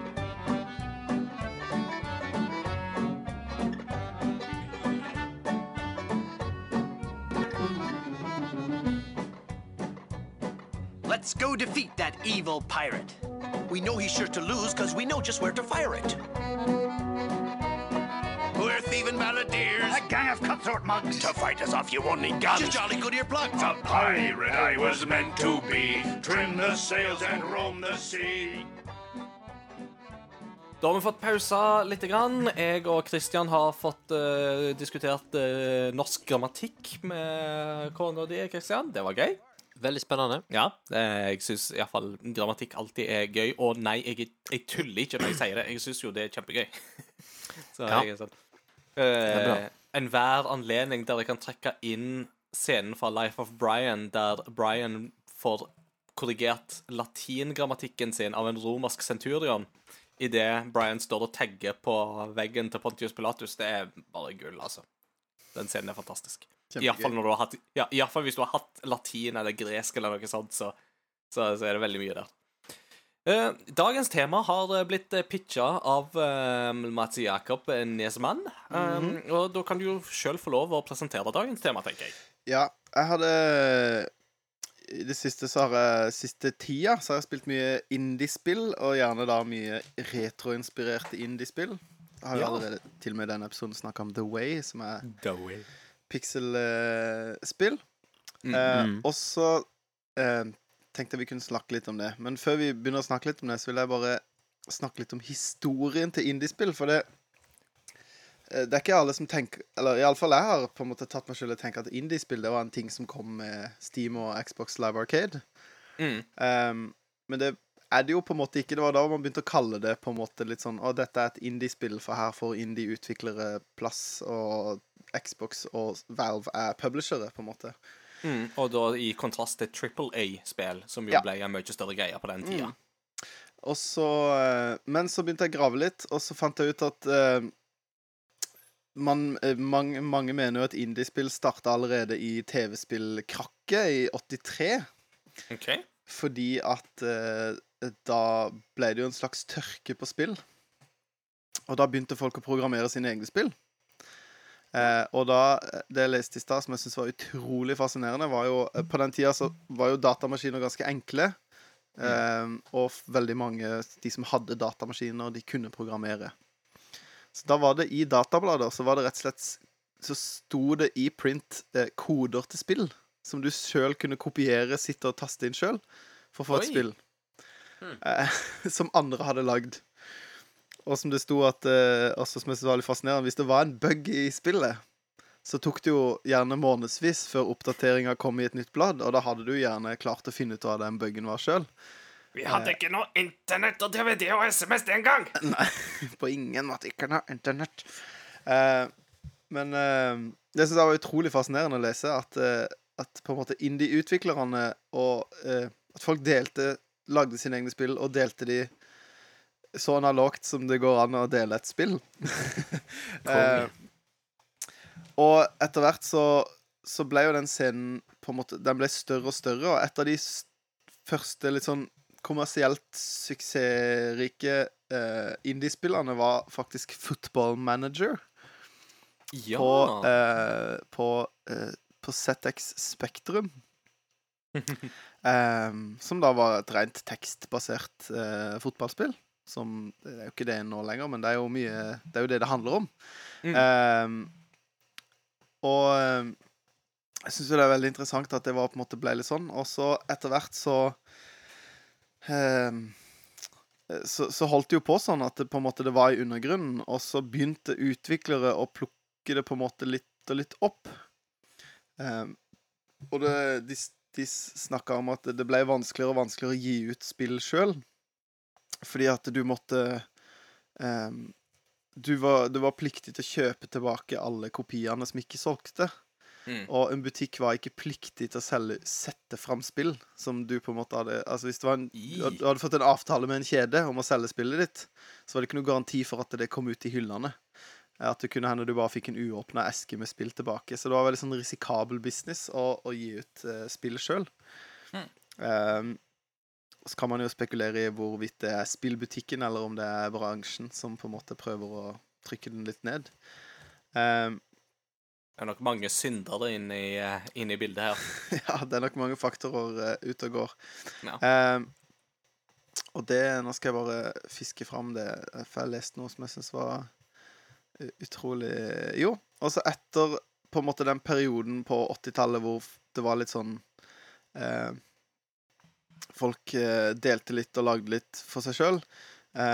så kommer man til en periode med noe som veldig mange kjenner til, som iallfall gamle PC-gamere, noe som ble kalt for shareware. Ja. Ja. Som Du var jo inne i eh, hele den der eh, Doom-modder og, Ja. og sånt. Og eh, moddere er liksom nøkkelen til veldig mye av dette her. Eh, fordi at det var modderne som eh, Det var en periode hvor det var vanskelig å gi ut spill, men det var veldig lett å publisere en mod. Mhm. eh, som gjorde at folk på en måte Istedenfor å lage nye spill, så lagde de mods som folk spilte. Det var mye lettere å få folk til å spille en mod du hadde lagd. Um, og et par veldig kjente spill fra den tida er Jazz Jackrabbit, blant annet. Og Ja. Commander Keen er egentlig indiespill. Som ble store og fikk større releaser seinere, da. Men opprinnelig var det Shareware-spill. Ehm, og jeg var aldri en del av Shareware hva skal jeg kalle det, community. Jeg har aldri vært en del av det, men det virka litt som at noen ganger Eller jeg klarer ikke helt å finne ut om det var Hadde dere noe med det å gjøre? Kjenner dere til det? Nei, altså, min PC-karriere begynte jo ikke før sånn da jeg ble student, egentlig, nesten. Sånn på uh, midten av 2000-tallet. Uh, vi hadde jo knapt nok PC i mine Japan-dager, og da vi kom til Norge, den første Packard Bellen vi fikk, den kunne jo knapt kjøre Heroes 3, så det var ikke så mye mer håp om så mye mer enn det, liksom. Nei.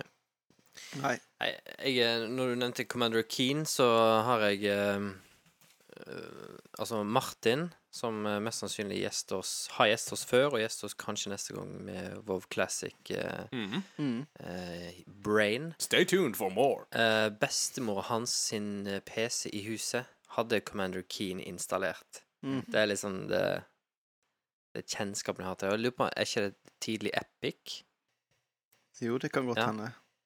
som senere lagde Unreal Engine og ja, Fortnite, you know. Ja. Mm. Mm. Um, det Jeg bare leste litt kjapt her, men det virker som at Shareware opprinnelig var at du fikk litt av spillet, og så fikk du muligheten til å på en måte bestille mer. At det var en måte å, å liksom få spillene dine ut der, da. Mm. Eller En slags små utviklere. Ja, løsning. Men liksom. ikke nødvendigvis bare eh, Hva står det her for noe? Uh, the first would be free to play and free to share. Um, så står det at så fikk man en introductory section of the game. Og så var det På en måte fikk du mer av det seinere. Men eh, sånn som det, det inntrykket jeg har av Shareware-perioden, er at det var veldig mange som bare spilte den Shareware-versjonen. Mm. Eh, og jeg vet at eh, sånn samlermessig så vet jeg at Shareware-versjonen av enten Doom eller Duke Nukem er eh, kjempesjelden og veldig ettertrakta. Mm. Eh, for jeg tror det var et av de spillene Var det Doom, eller var det som var første spillet til store spillet til id, var det ikke det? Jo. Jo, da lurer jeg på om det var Doom. Shareware- Shareware-versjonen av den var ganske eh, ettertrakta. Mm. Mm. Eh, og så Neste på en måte store punkt i indiespillhistorien er jo eh, når Steam kommer. Ja. Eh, og det jeg syns var veldig festlig hva det sto for noe. Eh, at i eh, Hva den opprinnelige eh, nettsida het for noe. Til Steam. Ja, Steam-powered. ja Steampowered.com. Ja. Det syns jeg var litt festlig, visste jeg ikke. Eh, men at den ble eh, den, Det domenet ble registrert i eh, 98. Mm. Steam kom ikke før i 2003, så de hadde nettsida Det virker som de hadde den ideen veldig lenge, da. Mm. Ja, eller tok iallfall et patent som de da Mm. senere benytta. Um, og det var liksom eh, Steam og ah, Når Microsoft annonserte den uh, uh, Annonserte at de skulle ha Live Arcade i den uh, kommende Xbox 360, Mm. som starta det mange kaller for The Indie Game Gold Rush. Ja, riktig. Eh, og det er kanskje litt Det er jo litt der vi er nå. Vi er fremdeles i gold rushet, på en måte. Det er kanskje det verste er kanskje Eller nå er det kanskje blitt mer etablert som en greie, men i begynnelsen var det jo litt sånn nytt og spennende. Um, men har dere noe forhold til noen av de tidlige Hva er deres første liksom uh, Indiespill, da? Moder gold rush-indiespill? Det er jo et fryktelig godt spørsmål, egentlig, hva som er på en måte det første av de Av de der. Um, Det tror jeg nesten ikke. Altså, jeg, jeg, jeg må helt, helt ærlig innrømme jeg vet ikke hva som blir svaret der, jeg, altså. Det, Nei, altså, jeg kunne sagt Fez, men jeg spilte Fez ganske seint. Ja. ja. Det, det, det er kan veldig- ikke ha vært det første. Ja. Jeg Nei, for Fez og. Braid Nei, ikke Braid. heter- Jo, Braid heter plattformspillet med du kan spole tilbake tid og sånn. Ja, Mm. og Super Meat Boy. Det er jo de Ja. tre spillene du følger i Indie Game The Movie. For Ja. Skulle til å nevne den filmen bør folk se. Den er Mm, kjempegøy. Det er viktig spillhistorie der. Uh, og Minecraft nevnes jo også som et eh, tidlig indiespill. Det er jo mange som ikke Ja, tenker at det er et indiespill, men det var, det var jo opprinnelig et indiespill. Ja, ja, ja. Lag av én mann. Sånn at eh, eh, det var på en måte de som på en måte kickstarta den hele den greia der, da. Uh, Mm. Og som gjorde at det tok veldig av. Mm. Altså, når du er inne på det her eh, Xbox har fått mye hate eh, rundt lanseringen lansering av Xbox One. Mm. Eh, men eh, en stor takk til Xbox eh, rundt 360-tida, for eh, de satsa jo sjøl òg enormt på indie-bølgen Mm. der. Helt klart. Og det Det var pionerer ja, der. Ja, Ja. og det med, jeg tror vi kan si ganske med sikkerhet at indie, altså spillmarkedet ville sett ganske annerledes ut hvis du ikke hadde hatt den indie-satsinga Mm. til Xbox og Microsoft der. Det er klart at ja, Steam gjorde sitt, de òg. De ga en plattform. Men Mm. jeg er litt usikker på om det hadde blitt så stort hvis ikke konsollmarkedet òg hadde blitt en del av det. Helt Sånn. Ja. Bare at du kunne ved to stykker lage et spill. Microsoft eh, var gira på det her og sa ja, OK, men hvis det får det ut til den datoen der, så kan vi la det ligge fremst på shoppen vår ei uke. mm. Mm. Altså hvor mye har ikke det å si for eh, et spillstudio, liksom? Ja, ikke sant? Ja. Men det, det som òg er gøy, som jeg leste, var Hvilket spill var det? Uh, Dear Esther Mm. er jo, var egentlig en Half-Life 2-mod. Ja, det stemmer. Eh, Og det er jo et forholdsvis nytt spill. Nå var det, ja, det er iallfall Det er jo ikke mer enn ti år gammelt. Eh, men eh, det er jo gøy at på en måte Altså at på en måte den mod Hva skal jeg si Legacyen henger igjen, da. Eh, og Mm. at på en måte det er veldig sånn Du, du trenger ikke være fem, et stort studio for å lage et fett spill. Nei. Men, men da igjen så kommer vi litt tilbake til grunnen til at jeg ville snakke om dette, er jo fordi at sjangeren Sjangeren gjenspeiler jo ofte det. Mm. Eh, og det er jo derfor jeg er så glad i indiespill, for det, det er jo spill som er in- retroinspirerte. For det er mye lettere å lage et uh, 16-bit-spill i dag, 16-bit-aktig spill i dag, Mm. enn det var på 90-tallet. Ja, det er jo klart, for at eh, på, den- på 90-tallet så var jo dette ny teknologi. Mm. I dag så har du nyere, moderne, mer kraftig teknologi som kan simulere den samme teknologien, som igjen da gjør det mulig for en brøkdel av arbeidskraften og lager lage Mm. det. Og ikke minst, du kan, sånt er gratis å få tak i noe så lenge du Fram til du begynner å tjene penger på det. da Ja. Så er mange av disse tingene gratis. Og at, uh, at du kan på en måte ta en estetikk og en gameplay-type og eh, lage det med, med nyere teknologier, da. Og det er jo derfor, det som jeg syns var så bra med for Mm. The Way, fordi at veldig mange av de spillene som det spillet er inspirert av, var veldig sånn tungrodde og vanskelig å styre, og det var litt sånn keitete, da, eh, Ja. for veldig mange. Mens Mm. Og det The Way er ikke perfekt, det heller, men, men eh, det er mye lettere å spille det. Mm. Uh, Ja, altså, jeg, eh, ut ifra det jeg har sett, da, så føler jeg jo at um, The Way vil være lettere for en moderne spiller i dag å spille enn Beneath a Steel Sky, mm. for eksempel, Mm. som jo mm, jeg, jeg i hvert fall føler òg har noen likhetstrekk med, Ja. Med det sånn som jeg kan se, i hvert fall. Eh, mens, mens vi er inne på det her visuelle eh, Det syns jeg var litt sånn interessant når jeg liksom las om om Owlboy. Mm. Ja. Uh, det er jo et tydelig retroinspirert spill. Uh, og når det liksom nærmer seg release, og det var en del sånn intervju med disse her um, Simon og Joremi, er det det Mm. heter? Ja. Og da husker jeg det kom fram, for de snakket veldig om at han som en sånn eh, sprites, en sånn pixel-designer, så var han der Simon, og han var så enormt dyktig. Og da begynte de å snakke om grafikken og teknikken, og da eh, kalte de det for eh, high pixel, eller et eller annet sånt. ja, noe sånt. Som er liksom Det er, det er jo pixelgrafikk, men, men detaljnivået og tror jeg animasjonene er Og skarpheten er liksom Er dagens teknologi, på en måte, da. Ja. Mm, mm. Men det er satt sammen som en tradisjonell sprite, eller Ja. det, det, det er i hvert fall litt sånn inspirert og ser ut som gammelt, men teknikken har et annet navn. Mm. Mm. Så Og blir det- det high pixel eller ultrapixel. Ja, og det, det er jo Ja. ikke tradisjonell sprite to work på den måten, men også Men det er jo det jeg mener, da, at de er, de er jo ikke begrensa av farge Altså, de er jo ikke, de er jo ikke begrensa av antall farger en Super Nintendo kunne vise, eller eh, hvor Mm. store sprites han kunne være, for det var jo en stor greie på 90-tallet, var Mm. eh, for eksempel eh, eh, Jeg husker det veldig godt fra eh, High Score Girl, den animeen. Ja. For der er det. Der spiller det et spill som heter China Warrior, som kom på PC Engine, som var en 16 Mm. Nest ca. 16-bit-konsoll. Eh, Mm. Hvor det spillet er sånn spill mange husker fordi spriten var så utrolig stor. Det er ikke et, nødvendigvis et veldig bra spill, Nei, men spriten er liksom to-tre fjerdedeler av høyden på skjermen. Mm, og det var jo-. Helt uhørt på den tida. Mens nå har vi jo ikke de begrensningene lenger. Du kan lage et 16-bit-spill med en sprite som er hele skjermen, uten, at, skjermen, uten at det er et problem, da, fordi at du er ikke Ja. begrensa av de prosessorene, da.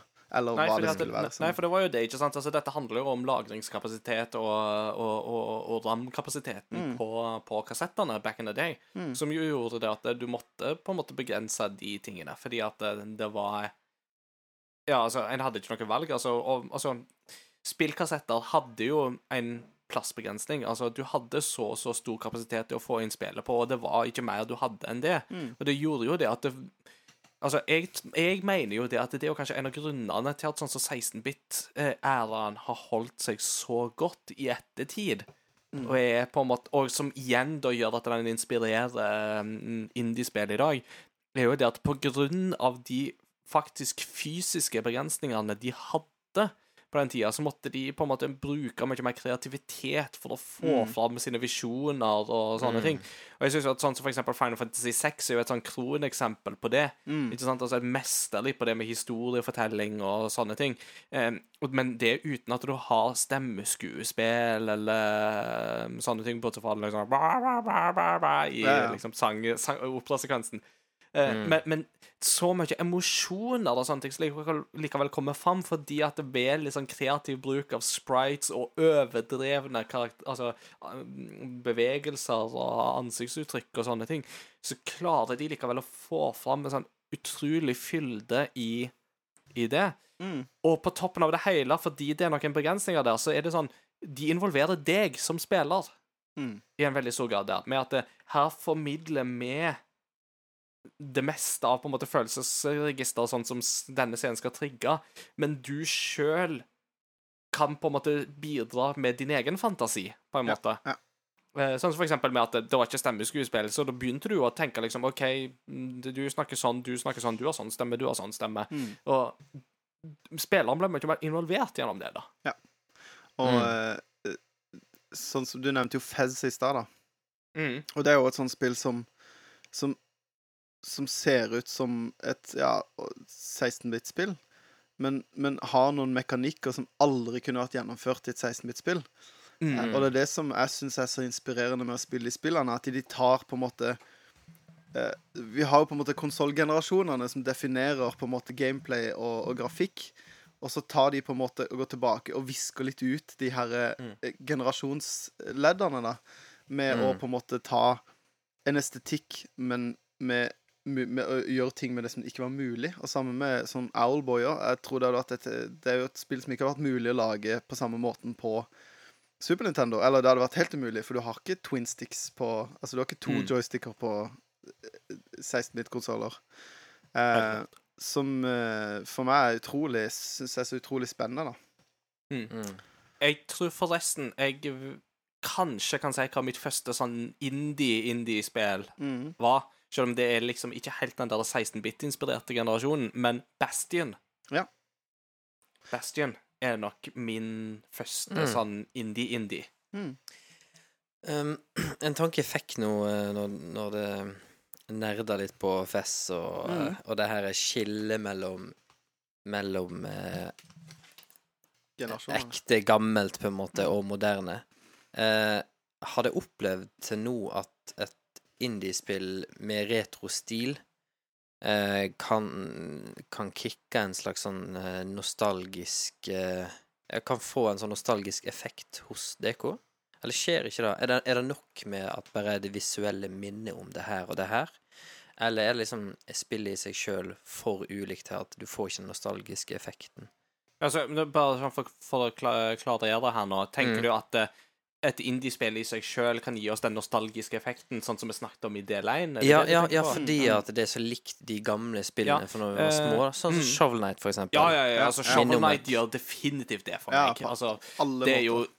Ja, og, altså, det er jo For det er jo et altså, NES-spill. på Ja, mange og måter, altså for liksom. meg så er jo Shovel Knight jo det kanskje indie-indie-spillet som rager aller, aller høyest i, li- i lag med Owlboy. Ja. Eh, men altså så, så Nå Shovel Knight snakker vi er vel jo- om re- ja, indie, men en retro-delen av Ja, indie. på en ja, måte. Mm, ja. Absolutt. Og, og jeg syns det er veldig bra at du trekker inn Shovel Knight som eksempel der, for det er definitivt et sånt spill som jeg kan på en måte bli veldig nostalgisk på. Mm. Fortsatt så har det jo hele soundtracket der på, på mobilen når det kicker med mellomrom, og du blir Mm. helt sånn yeah! Ja, Men det- sånn sett så er vel kanskje. Shovel Knight et litt heftig eksempel, for at det er Det gir ingenting moderne, på en måte. Nei. Men Fess, for eksempel, da? Hva Ja. Eller, eller Owlboy. Ja, Mm. jeg, jeg, jeg tenker jo at eh, At estetikken På en måte Når du har den estetikken, da, Mm. og, det, og det på en måte grafiske designet som er der, så, så trykker du jo på de nostalgiske knappene umiddelbart, på en måte. Mm. Sånn at jeg tenker at jeg kan enten på en måte bare lese på eller lese av. da For meg så var Arlboy et, en veldig nostalgisk opplevelse, da, for å si det på en teit måte. Eh, selv om det var en, en, en gameplay-stil som ikke hadde vært mulig på Mm. en Super Nintendo, eller på en Nintendo 64, for den saks skyld. Eh, men eh, Men eh, det, synes, ja, det trykker jo på knappene, men det er jo de retroinspirerte, da. Det er jo på en måte kanskje den delen av indie jeg har vært mest inni, da. Men eh, Mm. Uh, er mest indie. mest indie, Jeg har vært mest indie i det, ja. Mm. Eh, og det Ja, sorry. Nei, beklager, bare ta det. Nei, for at en litt sånn interessant tanke der er jo det at vi tre vi er jo ganske lik alder. Mm. Eh, og vi har på en måte litt av den samme um, um, oppveksten når det gjelder liksom hva på en måte konsollgenerasjoner og hva på en måte spillgenerasjoner vi er vokst opp med. Så for oss så er jo det å gå tilbake til spill som er inspirert av det tidlig 90-tallsperioden, med liksom den 16-bit-grafiske stilen der og sånt, for oss så er ikke det på en måte den tyngste inngangsporten. Tvert imot, for oss er jo det bare nesten bare kos over det, ikke sant? Mm. Uh, jeg, jeg er jo veldig nysgjerrig på hvordan det oppleves for de som ikke har den oppveksten, ikke sant? eller som ikke har den bakgrunnen. Um, altså, Kona mi spiller jo litt uh, spill og sånt, men hun takler jo ikke sånne retro-look-spill så veldig godt. Eh, det, det er på en måte Det, det gjør ingenting for henne. Eh, og det er liksom Det blir for kornete og grautete at, at hun Hva egentlig er det her måte- for noe, liksom? Ja, altså Det er ikke det at hun på en måte syns det er dårlig, men det er bare det at hun klarer på en måte ikke å engasjere seg nok til å sette seg ned med de, de spillene der. Nei. Uh, og det er jo ikke fordi at det er noe feil med henne, men det er fordi at eh, hun vokste opp som misjonærbarn i Afrika eh, og hadde ing, så å si ingen gamingerfaring utenom Super Mario 64 da hun kom til Norge på midten av 2000-tallet. Mm. Um, og da er det klart at da er det på en måte et noe som ikke hun har i sin oppvekst. da. Og de som vokser opp i dag, har jo heller ikke den erfaringa, med mindre de har blitt introdusert for det gjennom retrospill eller spilt et indiespill som er, har den inspirasjonskilden. Mm. Um, og allikevel så er det jo da litt interessant å se at det er jo et marked der likevel for den indie-greina som trigger oss tre til at oh, dette ser spennende og kjekt ut. Mm. Mm. Og interessant nok der, veldig få spill som aper etter looken fra generasjonen som kom etter. Altså den første polygon eh, Ja, 3D for, for den generasjonen har jo ikke holdt seg så bra. Altså Nei. Å gå tilbake til PlayStation 1 eller Nintendo 64 i dag er jo ofte en ganske selsom opplevelse. Ja, det Ja. er jo Ja, det var det, var det noen som sa. Uh, den generasjonen has a face only a mother can love. Du har jo denne klassiske uh, fra Final Fantasy 8, Ja, ja, hvor, ja. eh, hvor Squall bl- blir fortalt da, liksom You're the handsomest guy in this room. Ja, og så har de zooma inn på ansiktet hans, og så er det jo helt forvrengt. Men har du fått med deg at det har de fiksa nå i Ja, remasteren? stemmer. Så det er mye, det er mye vi funker ikke lenger, for at nå er han faktisk the handsomest guy in this room. Ikke sant? Åh. Nei, jeg, jeg er enig med deg der, at det er noe med det. Men jeg føler at liksom i veldig mange indiespill, til og med de på en måte store Sånn som Rocket League, da. Det var jo et Ja. indiespill veldig lenge. Mm. Eh, Nå er det jo ikke det på en måte lenger. Det er jo ikke Triple A-spill, men det er jo ikke Nei. på en måte sånn lenger. Men, men det er jo Jeg føler det har En fellesnevner det har med alle de andre, er jo at det er en veldig sånn Det er veldig enkelt gameplay-premiss, da. Mm. Eh, altså, det, det Når det er få som har lagd, eller én som har lagd, så det, krever det veldig mye å lage kompliserte spill. Eh, er iallfall min mening. Og derfor så på en måte Det er, det, det er de enkle spillene som er, lettest å lage. Og det fenger ofte veldig, da.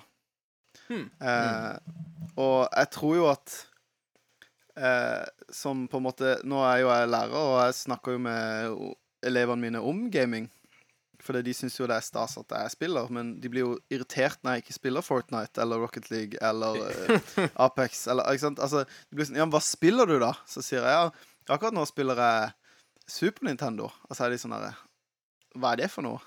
Mm. Altså, jeg skjønner at det på en måte det, det, er, det er på en måte ikke for 11-12-åringene. Det blir lagd blir for lagd for de som Nei. er interessert i det. Men Ja. jeg tror jo at alle de hadde likt det hvis de hadde Ja. på en måte gitt en sjanse. Og på en måte Anja også, for at poenget mitt er Det er vel frem til at det handler jo om gameplay. da Er gameplayet Mm. bra, så har det egentlig ikke noe å si åssen det ser ut. Eh, og eh, det jo altså, Og det er jo mange på en måte overførbarheter der som nyere generasjoner har implementert. Altså, eh, hadde jeg gitt kona mi en Game Boy Advance med et av de første Fire Emblem-spillene, så Mm. kan det hende at hun hadde prøvd seg på det, særlig liksom det aller, aller første Fire Emblem som kom på Game Boy Advance her til lands, Mm. for det er jo kjempebra på mange måter. Og der er det en spillmekanikk som hun kjenner igjen, fordi at den er videreført i 3DS-spillene, og er veldig gjenkjennelig der. Um, så, så, så det er jo definitivt noen på en måte effekter i bruk der, men igjen så handler det bare om at man må mm, gjerne treffe tingene, ikke sant?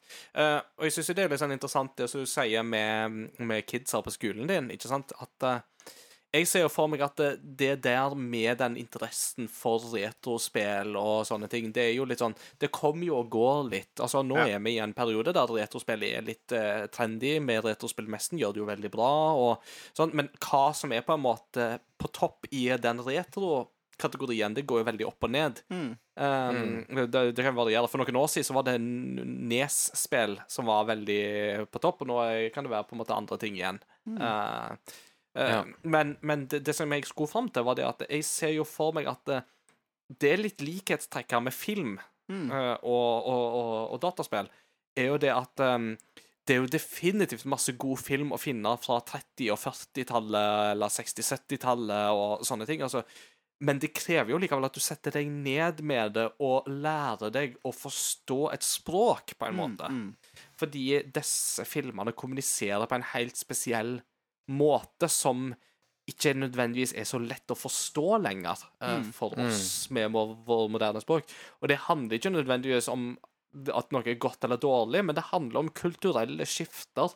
Um, og at vi, vi tenker alltid veldig etnosentrisk, eh, eller egosentrisk, mener jeg. At det er sånn måten jeg tenker på her og nå, det er sånn alle tenker og har tenkt enhver tid.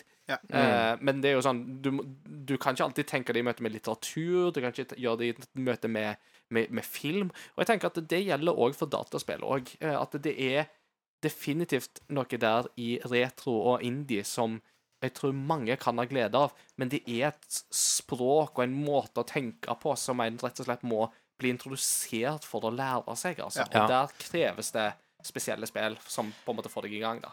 Ja, det, det artig det der, som- som det begge to har nevnt nå, med, med alder og generasjon. Og når du, Mats Jakob, snakket om det her, at du liksom snakker med elevene dine om spill. Mm. Og jeg òg jobber jo med å snakke med elever om spill. og, eh, Litt, el litt eldre elever, da. Ja. ja, og det her er jo De yngste som kommer, er vel uh, 19? 19, eller de blir 19. Ja. Eh, They are 18 going on 19. ja. uh, og noen er litt eldre. Og, men, men det som slår meg der, da, er at liksom For da de er voksne, eller unge voksne, så kan jeg fort dra en sånn midt i en undervisningssammenheng. Så hvis jeg kommer på et liksom passende eksempel, så bare Ja, ja, jo, men, men det husker jo når Og så må jeg av og til stoppe og så Nei, vent litt. Det spillet her kom ut i 2003. Nei, nei da var jo dere tre år gamle. Det går ikke. Det er ikke sånn at det er nytt å snakke til kidsa lenger om liksom, The Matrix som den mest hippe filmen av de alle. Liksom, det, Nei, The sånn, Matrix er 20 år gammel. Og, Ja, sant. Så det, det er sånn generasjonsskifte der, uh, sjøl med de som nå er liksom 1920, da. Ja. Ja. Merker jeg. Ja. Mm. og det er jo bare et tegn for at vi er blitt gamle, ikke sant? uh. Ja. dudes, bro. du- du hadde et poeng, eh, Mats Jakob. Ja, nå må jeg bare huske det jeg skulle si. Eh, nei, jeg, jeg husker ikke akkurat hva jeg skulle si. Nei. Men uh, Nei, jeg husker ikke hva jeg Nei, skulle si. men, uh, men hvis vi på en måte skal på en måte prøve å tenke litt sånn uh, Vi har jo vært litt inne på det allerede, men hvis vi skal snakke om den type retroinspirerte indiespill Hvis vi tenker Gjerne har en sånn old look-feel over seg, og old school, old school look, da, for å si det sånn. Mm. Hva er favoritten deres? Og Det er lov å ta flere. Ja, eh, jeg kan jo eh, Som de som hører på, vet jo at jeg er veldig fan av Owlboy. Jeg syns det er veldig, mm. veldig, veldig bra spill. Absolutt. Eh, og nå har jeg jo fått en ny favoritt, som er The Way. Jeg syns det var helt eh, topp spillopplevelse. Eh, Shovel Knight syns jeg er veldig bra, men så syns jeg jo det er gøy med Hvis du kan kalle det det er jo ikke indie-spill, da, men litt sånn retroinspirert spill. da, så Jeg syns jo det er gøy at det kommer mange av de her remakene av spill, da. Mm. Eh, og Mm. kjempestas at det kommer denne her Mana Collection og Trials of Mana kommer. Eh, som Disney-greiene. Disney-greiene, ja. Og det har jo kommet flere òg. Nå var jo ikke Ducktales Remastered eh, et masterpiece, men eh, det var likevel gøy. Mm. Eh, men et spill som ofte ikke blir snakka om, en remake som ikke blir snakka så mye om, er jo Castle of Illusion. Ja. Mickey Mouse på, fra Sega. Det ble jo også rem remastera. ja. Og tatt ned. Og tatt ned. Annoying enough. Men det var en veldig bra remaster. Det var det. Eh, sånn at det, det er jo òg et hva skal jeg si, et punkt i dette her, da, at mesteparten av dette kommer jo kun digitalt, da. Ja. Og ikke så mye fysisk som gjør at det fort forsvinner. Nå har jo Ducktales forsvunnet. Mm. Eh, Mm. og eh, det er jo sånne ting som er litt sånn irriterende. Men eh, nei, eh, iallfall Owlboy og, og The Way, men eh, tenker Jeg har jo spilt uh, flere Jo, de her uh, Har dere spilt de her Shantae-spillene? Half Genie Hero? Jeg kjenner til dem, men jeg har ikke spilt Shantae. Nei, jeg, jeg har- jeg har veldig lyst til å prøve. Veldig lyst til å prøve. Ja, både på 3DS-shoppen og Switch-shoppen så har jeg flere ganger vurdert ah, I et sånn spilltørkeperiode. Og så har jeg aldri gjort det. Men Jeg føler det, det, er ganske Det er ganske gode spill. Men det er jo Mm. Det er jo Det er jo ikke en ny eh, Hva skal jeg si IP, da. Det er jo eh, Det var jo et Gameboy Color-spill. Et veldig mm. seint Ja. Gameboy Color-spill. Jeg tror det kom i 2003 eller noe. Kjempeseint. Ja, det var det ganske seint. Vi snakker 2000-tallet. Ja, sånn at eh, det var på en måte en sånn som veldig lenge var en sånn hidden gem, da. eh, På game, I Gameboy-biblioteket. Mm. Og så plukka Way Forward var det som plukka opp igjen den eh, Nei, det var vel Way Forward som lagde det til Gameboy òg, tror jeg. Ja, var det det? Ja, jeg, jeg tror det. Eh, og de har jo lagd tre spill nå, tror jeg. eh, I Shantay-serien Er det ikke fem? Er det fem nå? Uh, Jeg tror det er Shantae. fem eller noe sånt. At de annon har akkurat annonsert det neste spillet. Så om Ja. det er enten det femte eller sjette spillet. ja, for det er i hvert fall mm. to som ble sluppet på Switch i 2018 eller 2019, jeg husker ikke. Det siste jeg spilte, var det Pirates Curse. Det som Ja. er litt gøy med det, de spillene, er at det er litt sånn Det er jo ikke Metroidvania-spill, men det er en del sånn backtracking. Du kommer til punkter i spillet hvor du ikke Hvor du ikke kommer videre. Hvor du må på en måte dra tilbake når du har fått en ny ability. Men det er på en måte egne verdener. Det er ikke liksom en åpen verden. Mm. Eh, men det er ganske gøy. Det er litt sånn action-plattformspill. Mm. Ehm, men tilbake til spørsmålet. Mm. Eh, Jeg har ikke spilt så veldig mange av de altså moderne retrospill som går for ja, den, veldig den retro-looken. Jeg har liksom vært innom mange av dem, men jeg føler ikke jeg har spilt de nok. Da, da går jeg ofte heller tilbake til Super Nintendo-spillene, på en måte. Ja. Ja. Men uh, jeg tror kanskje jeg må ha landa på Owlboy, jeg òg, altså. Ja. Mm. Det er altså er sterkest i minnet nå, i hvert fall. Ja. Mm. Ja. Jeg, alle de som jeg har nevnt, både Shovel Knight og, og, og Owlboy, er jo definitivt sånne spill for meg som henger veldig høyt. Eh, jeg vil òg trekke fram Celeste som en eh, moderne Ja. klassiker av den typen. Som forresten dere som hører på, hvis dere hører på denne episoden idet den kommer ut, nå er Celeste gratis på Epic Store fram til 5. september. Altså Oh. 5. Eh, 5. September 5th. Eh, Celeste og Inside er begge gratis på Epic-butikken, så sikrer dere de spillene og får spilt de. Det Du må slutte å hate på Epic Game Store. Ja, de gir altså, oss masse bra spill. Ja, men altså, Celeste var jo mitt tredje favorittspill i fjor. Mm. Um, kun etterfulgt av God of War og Eller kun overgått av uh, God of War og Gris. Mm. Um, så ja, Celeste er et av de som jeg vil trekke fram. Uh, Mats Jakob? Apropos eh, Gris er jo også litt sånn Det er jo ikke en retro art style, men det er jo en veldig sånn retro gameplay. Mm, det er det jo. Men eh, Um, det jeg skulle ja. si, var eh, Inside er det oppfølgeren til Limbo. Limbo, ja. ja for Limbo Ja. må være det første indiespillet jeg spilte. Ja, Mm. riktig. Det var jo tidlig 360. Min venn Det var så. Sindre. Det var så. Shout out. Hvis, hvis du hadde spent en, en, vanvittig bra designer og animert og nydelig å se på. Men supersyreopplevelse, så må du spille Inside. Ikke sant? Og kom deg gjennom spillet. Ja. jeg, eh, jeg skal, jeg har sikra meg det nå, så jeg skal um, se om jeg får gjort det en gang. Ja. Men jeg ville òg trekke fram um, Bloodstained, men da ikke Ritual of the Night, men The Curse of the Moon. Ja. Uh, Syns jeg var en fantastisk take på en sånn moderne take på Castlevania 3-formelen. Og musikken òg var bare helt awesome. Så fabelaktig opplevelse der. Og så vil, må jeg jo selvsagt nevne Stardew Valley. Dette Ja, ja, ja. enmannsprosjektet som han brukte fem år av livet sitt på å lage av rein forkjærlighet for Harvest Moon-spillene som han og kona spilte i lag da de møttes og bonda over og sånt. Og som jo hele historien der slutter jo med at han får presentere det for Harvest Moon-skaperen og greier. Og Det er liksom Men ja, altså, Harvest Moon er jo bare et eneste stort kjærlighetsbrev til den æraen der, Ja. syns jeg, altså. Og er jo et fabelaktig spill. Det står jo om utviklingen av det spillet her i Blood, Sweat and Pixels. Mm, det gjør så. Kjempebra kapittel. Anbefales. Så yeah. Yeah. Yes, Med- til, helt til slutt, da, så vil jeg Mhm. bare nevne en ting eh, med denne her eh, artikkelen som er uh, Skal vi se om jeg kan finne det. Nei, jo, nei, det er den, den artikkelen jeg har henvist til flere ganger i, i denne episoden, her, så snakker de jo om en liten sånn der eh, eh, De kaller eh, overskriften er Indie Apocalypse. Nei, Indie Apocalypse. Eh, Om at liksom eh, Om at det på en måte ble en litt sånn overflow, og at eh, til og med utviklere og indieutviklere er veldig usikre på hva, hva er et indiespill lenger.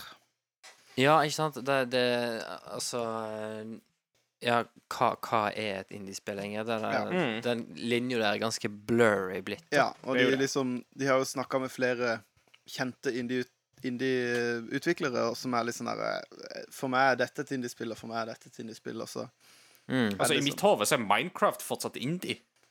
Ja, For jeg er ja, så gammel at jeg husker det da det var liksom et sånt indie-prosjekt. sant? Men eh, på en måte betyr indie lenger at du ikke har en ut, utgiver, eksempel? Er det, liksom, er det da et indiespill, eller er det et indiespill hvis Ja, det er ikke sant? Eller lite må teamet være så og så lite, Nettopp. eller Ja. Sånn at in indie er vel på en måte Det er litt sånn som i musikken nå, da. Det er ikke på en måte noen sånn der eh, definisjon på hva et indie-spill er, og det er nesten blitt en sjanger, på en måte. Mm. Um, Mm. med er- underkategorier. ja. Ja. Mm. Tusen takk for uh, god, um, godt temaforslag. Um, I tillegg til nytt temaforslag så har vi jo òg fått et forslag til et nytt eh, liturgisk ledd i uh, Yes. liturgien vår. Og Mats Jakob, take it away with your uh, new jingle. I come across over gaming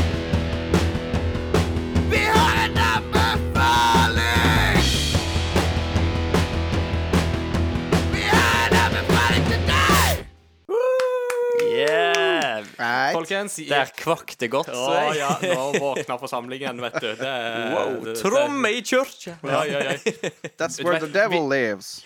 Ja, men du vet, hvis argumentet 'djevelen bor i stortromma' er riktig, så er death progressive metal den mest kristelige musikksjangeren av de alle, fordi da bruker du dobbel pedal og banker livskiten ut av, Yes. uh, av djevelen. Derfor Så- slår så hardt på tromma. Ja, så Opeth er det mest uh, kristelige du kan høre på. Det er yeah. dagens uh, teologiske input. Nei, men eh, vi tenkte vi skulle prøve oss på en liten eh, ny spalte som eh, vi bare kaller for anbefalinger. Der Ja. vi kommer med litt anbefalinger av eh, andre ting enn spill. Eh, Ja. Så, Um, Christian Ja, altså eh, Jeg og du, Mats Jakob, når vi hadde den episoden sammen, bare jeg og du, så tok vi oss kunstneriske friheter når ypperstepresten og kapteinen ikke var til stede lenger. Til Ja, ja, ja, ja, ja, anarki. nå, nå kjører vi noen anbefalinger her. Så bare, Det er jo null system. Men, eh, men eh, ja, jeg har blitt litt sånn inspirert av det der, da, for at um, det er en litt sånn god uh, måte vi kan, kan liksom dra inn helt andre ting som ikke har sammenheng med dagens tema å gjøre. Absolutt. Eh, og en ting som jeg har lyst til å prøve å få til på sikt, er kanskje at dagens anbefaling kan komme fra lytterne. Ja. Mm. Eh, det er en tanke vi har, da, at eh, en, en anbefaling kan sendes til oss på, gjennom Messenger. Mm. Eh, men det, men, men får se. Ja. Hvis blir det aktivitet, så, så er det gøy. Og så får vi, hvis ikke, så får vi ta det sjøl. Men eh, det jeg har lyst til å anbefale, er altså ingenting som kan høres, eller ingenting som kan uh, spilles, eller ses på video. Men det er en artikkel Ja. Og vi har vært litt uh, nå i eh, Hovedtemaet forrige episode var jo en del negative ting rundt uh, spill og spillmiljø. Mm. Og så har det jo òg gjennom den Gamergate-perioden så fikk jo eh, spilljournalister ganske mye tyn. Mm. Og eh, noen andre som har fått en del tyn eh, eh, for noen år siden nå, da, er Xbox-gjengen. Mhm. Altså eh, når Xbox One skulle bli lansert og alt det her. Og så kom jeg eh, Måten jeg eh, får inn eh, spillnyheter og hva nytt som er, som er kommet, og hva nye trailere finnes, og rykter og alt det her. Da går jeg på nettet, så går jeg på diverse spillsider. Så gikk jeg eh, her om dagen inn på GameSpot, Mhm. som var på en måte den første spillsida jeg var en del på når jeg var yngre. Der lasta jeg ned demoer, by the way. Lagde meg en bruker og kunne laste ned demoer. Um, så kom jeg over et, et langt dybdeintervju. Eller egentlig, det journalisten har gjort her, er å følge eh, både intervjuer, men følge etter Phil Spencer, Xbox-sjefen, Ah. i uh, forskjellige situasjoner. Når han møter fans, når han møter kollegaer, når han møter konkurrenter. Ja. Det er en nydelig episode der hvor han møter Hvem er det, da? Om han møter Om det er en eller annen i Nintendo på en eller annen sånn messe, så ser de på hverandre, og så bare viser de fing til hverandre. og, så bare, og så ler de etterpå og jeg går bort og gir hverandre en klem. Og så er de kompiser, liksom. Det er Sjukt sånn der, Det er sånn der litt sånn fiendtlig med glimt i øyet der. Men den artikkelen eh, Nå husker jeg ikke navnet på hun som har skrevet den, men det er en eh, det, det som er så deilig, er at det er en veldig bra artikkel som er veldig positiv og, og veldig ekte. Det er ingen sånn der, det er ingen sånn tabloidoverskrifter du kan hente ut fra den artikkelen. Det er like med i crossover gaming. Ja, og jeg føler det liksom Det beviser hvorfor spilljournalistikk er viktig, da. Og Ja. hvorfor god spilljournalistikk er viktig. Og det er en ting som generelt Journalistikk er jo litt sånn under angrep om dagen for fake news og og uh, mange uh, høyt oppe i hierarkiet som er skylder ofte på media, da. Mm. Men, og- men media har en veldig, veldig viktig oppgave, og ofte å være nøytral. Veldig viktig. Men generelt, og den, den artikkelen her var bare så sjukt deilig å lese. Og det står òg litt om hvordan Phil Spencer havna i Microsoft. Jeg skal ikke fortelle hvorfor, for det. du må inn og lese artikkelen. Det er en ganske kul uh, historie. Ja. Så uh, når uh, vi gir ut episoden, så tror jeg vi linker til den artikkelen her. Mm. I Og- kommentarfeltet på, på episoden, for eksempel. Ja. ja. Mm. Her er artikkelen som blir anbefalt. Stilig. Og det er altså da et intervju og ja, jeg kjenner livet til Phil Spencer, Xbox-sjefen, fram til i dag. Stilig. Mm. Den har jeg lyst til å lese. Takk skal du ha. Yeah. Uh, har du noen anbefalinger du vil komme med, Mads Jakob? Uh, jeg har ikke tenkt på noe, for jeg tenkte at det skulle, vi skulle ha én anbefaling. Men jeg Ja, kan eh, ja, ja, det var litt det som egentlig var tanken. Ja, Ja, OK. Var det det som var tanken? ja men Ja. du kan Vil Jo, du ha den jeg du har du en anbefaling som jeg har veldig lyst til å komme med. Fordi at i forrige episode så snakket jeg jo litt om Kyoto Animation. Um, Mm. det japanske anime-selskapet som jo ble rammet av en mordbrann i juli. Um, jeg var på en uh, visning på Cinemateket her i Oslo uh, av filmen A Silent Voice. Som uh, de lagde i 2016, var det vel. Mm. Og der alle inntektene gikk uavkorta til Kyoto Animation. Uh, Ja. og den filmen var et rørende stykke film, altså. Det var liksom sånn som bare minte meg på hvorfor jeg er så fantastisk glad i det st- filmstudioet. Eh, Kort fortalt så er det en animefilm om en eh, ei døv jente som begynner i en ny klasse, og så er det blant annet en gutt som terger henne litt og sånt, til det punktet at eh, hun ender opp å flytte igjen. Eh, og så følger du de seinere i livet, der eh, han sliter mye med skyldfølelse og depresjon og suicidale tanker. eh, og hun sliter med dårlig selvbilde eh, som følge av en del av de tingene hun opplevde. Og så møtes alle disse veiene, eh, alle disse personenes veier, møtes på nytt, da. Kult. Uh, Ja. Og det er en sånn rørende fortelling om dette her med på en måte om, om, om anger og bot, om uh, nye sjanser, om fortid og hvordan det påvirker oss, etc. Mm. Uh, men òg bare generelt òg med liksom hvor, hvor viktig dette med kommunikasjon er, da. Og særlig Mm. når på en måte en blir isolert ifra noe som har med kommunikasjon å gjøre. Altså, hun er døv, og han tør ikke se folk så mye i ansiktet og sånt lenger fordi at han skammer seg så mye. Eh, så fantastisk filmopplevelse som jeg vil anbefale folk å se hvis de får en anledning til det en eller annen gang. Så se filmen As A Silent Voice uh, fra Kyoto Animation. Cool. Jeg har Det- ja. Kan jeg Jeg har eh, Ja, nå går eh, spalten rett i dass. Ja, men da tenkte jeg Nå tar, nå tar jeg en siden alle tar en. Men uh, Ja. Ja. det, eh, så blir det en sånn greie vi gjør i dag. Det er en Jeg vil anbefale en, en YouTube-video. Det noe sånt? Yeah. Ja. Det er en komiker som heter James Veitch. Eller oh, Veitch. Det var kanskje ja. Ja. Som Hans humor er at han han svarer på e-poster som egentlig ikke var ment for ja, det er han, ja. Han svarer på Yes. spam. Han svarer på Det er en hvor han svarer på den klassiske nigerianske prins-mailen. Ja. Og eh, det, det, den ene er faktisk en TED-talk, hvor han Ja, snakker to om det. av de er faktisk Ja, en TED Det er helt fantastisk. Men den jeg syns er gøyest er, Eller gøyest, den er veldig gøy, men han har en fra uh, Tonight Show med Eller Late Show med Jimmy Fallon. Tonight Show. Ja, det med Jimmy Fallon.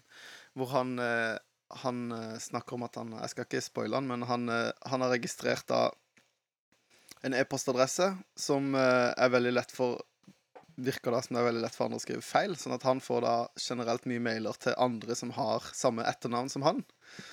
Hvor da han da har fått eh, en e-post om et badebasseng. Ja, den, Forslag til et badebasseng. Og den er helt fantastisk. Jeg syns han er så morsom. Og liksom Det er, det er noe med den leveringa. Den er helt, det er helt fantastisk. Og så Ja. veldig sånn klassisk han står med en sånn klikker og en powerpoint, liksom. Det er dødsbra. Ja, Så sjekk ut James Veach, tror jeg det uttales. Aldri har eh, powerpoint slides vært så gøy. Åh, det er, det er funny stuff, altså. Ja. Med det så har vi kommet til dagens kuriositet. Og Christian, Yes. du har noe du vil dele med oss som du egentlig ville dele sist. Ja. Og så kom det en vaskemaskin i Ja, veien. det så- virker jo ikke. Så egentlig både den anbefalingen og eh, kuriositet hadde jeg tenkt og muligens et postludium, hadde Ja. jeg tenkt sist gang. Så det var jo en allrounder. Take it away. Men eh, jeg er veldig glad i en YouTube-kanal som heter Digital Foundry. Gode, gode sider. Yes, sider. De er jo kanskje de dyktigste på eh, hele nettet, holdt jeg på å si. En britisk, eller delvis britisk gjeng eh, som går veldig i dybden på eh, spillteknologi.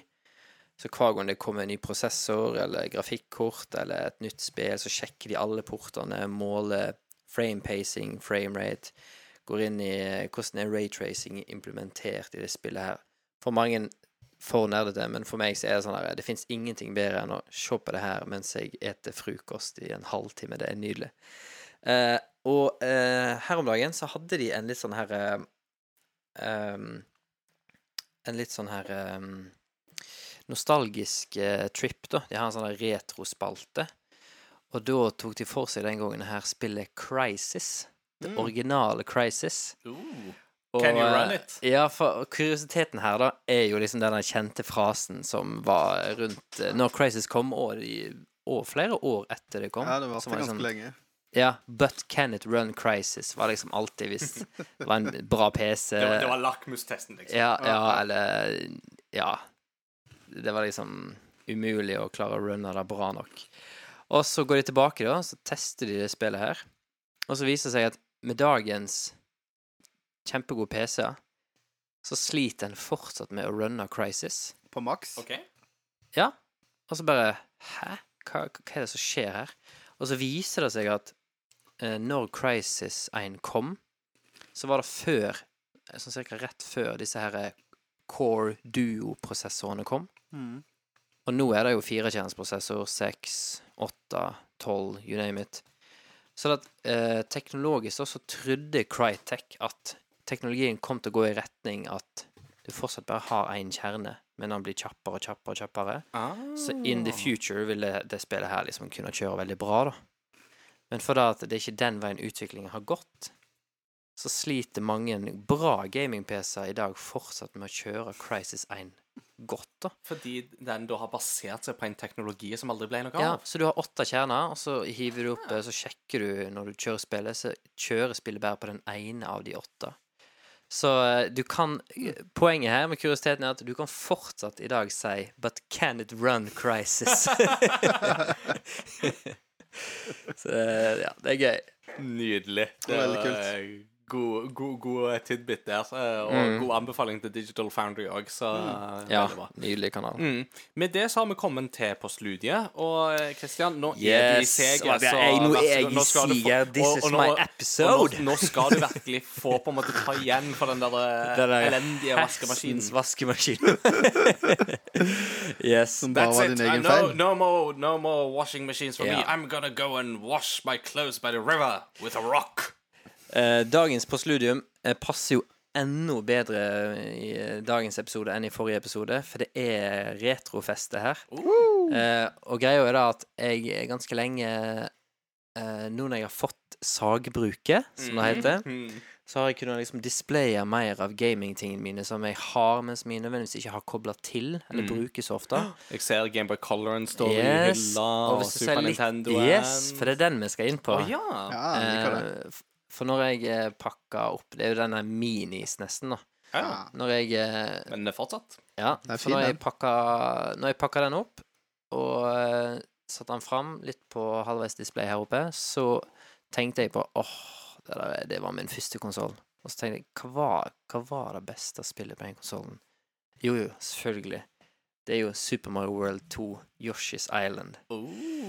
Og så tenkte jeg ah, vi, vi må ha postludium eller pausemusikk eller et eller annet derifra. Så i, dag skal vi da høre den mest uh, muntre og jolly musikken fra det beste Super Nintendo-spillet, Super Mario World 2, Yoshi's Island. Jeg er glad i den grinete babyen. Det er mange som ikke takler den. Ikke jeg, vet det. jeg er en av de. og uh, dagens stykke heter da Athletic. Ja, riktig. Er det Koji Kondo som har eh, det mm, soundtracket? Vet du det? Uh, det burde jeg jo ha sjekka på forhånd. Eh, Jeg skal ikke arrestere deg. på Det får være en cliffhanger Yes, til neste indeed. episode. Eller Mats Jakob er på saken her, Det kanskje. er jo godt mulig. I mellomtida så kan jeg jo bare si at uh, jo da, Yoshi's Island er det beste spillet. Etter Super Metroid! Jeg spilte aldri Super Metroid, så Ja, Da har du en jobb. Den er på den. Ja, han er på så get busy. Gutter, den backloggen gutter. der, altså. Tetris Attack er det beste Ja. Super Nintendo-spillet. Men den er ikke på SNES Mini. Supertennis. Supertennis. Um, skal vi se Um, ja, Yoshis fant du komponisten der? Yoshi's Island. I mellomtida så kan jeg lage Yoshi-lyder. Koji Kondo. Ja. Yes. All right. Det er kanskje Yoshi's Island, det. Nei, Yoshi Story. Kan Ja, jeg det var Apropos det, jeg, må, jeg har eh, den japanske versjonen, men der står det Yossi Island. Y Stemmer det? Ja, stemmer det. Jeg Jeg har den med en guidebook eh, på kjøpet, til og med. Yossi Island. Yossi Island. Det er jo Yoshi! Yossi Island. Så da ble det en sånn bonuskuriositet. Med det så Med det så takker vi for uh, følget i dag. Yossi! Creeding der på slutten. OK, nå begynner det å bli seint, og nå begynner disse andre kompisene mine å bli helt uh, på kjøret. Så jeg tror vi bare takker for følget i dag. Sjekk oss ut på Facebook og på Instagram. Veldig kjekt hvis dere gjør det. Eh, og hvis du vil anbefale podkasten vår til dine venner og kjære og kjente, så blir vi veldig glad for det. Vi er overalt der podder kastes. Vi er på Soundcloud, vi er på iTunes, vi er på Spotify. Yay! Og vi er stort sett overalt der du finner podkaster eh, nå til dags. Eh, tips gjerne om oss, og få de òg til å like Facebook-sida, så blir vi veldig glad for det. Da takker vi for følget, og som vanlig så sier vi at vi snakkes ved neste korsvei. Ha det bra! Matane. Ha det bra. Bye, bye. Bye! Tjallabais.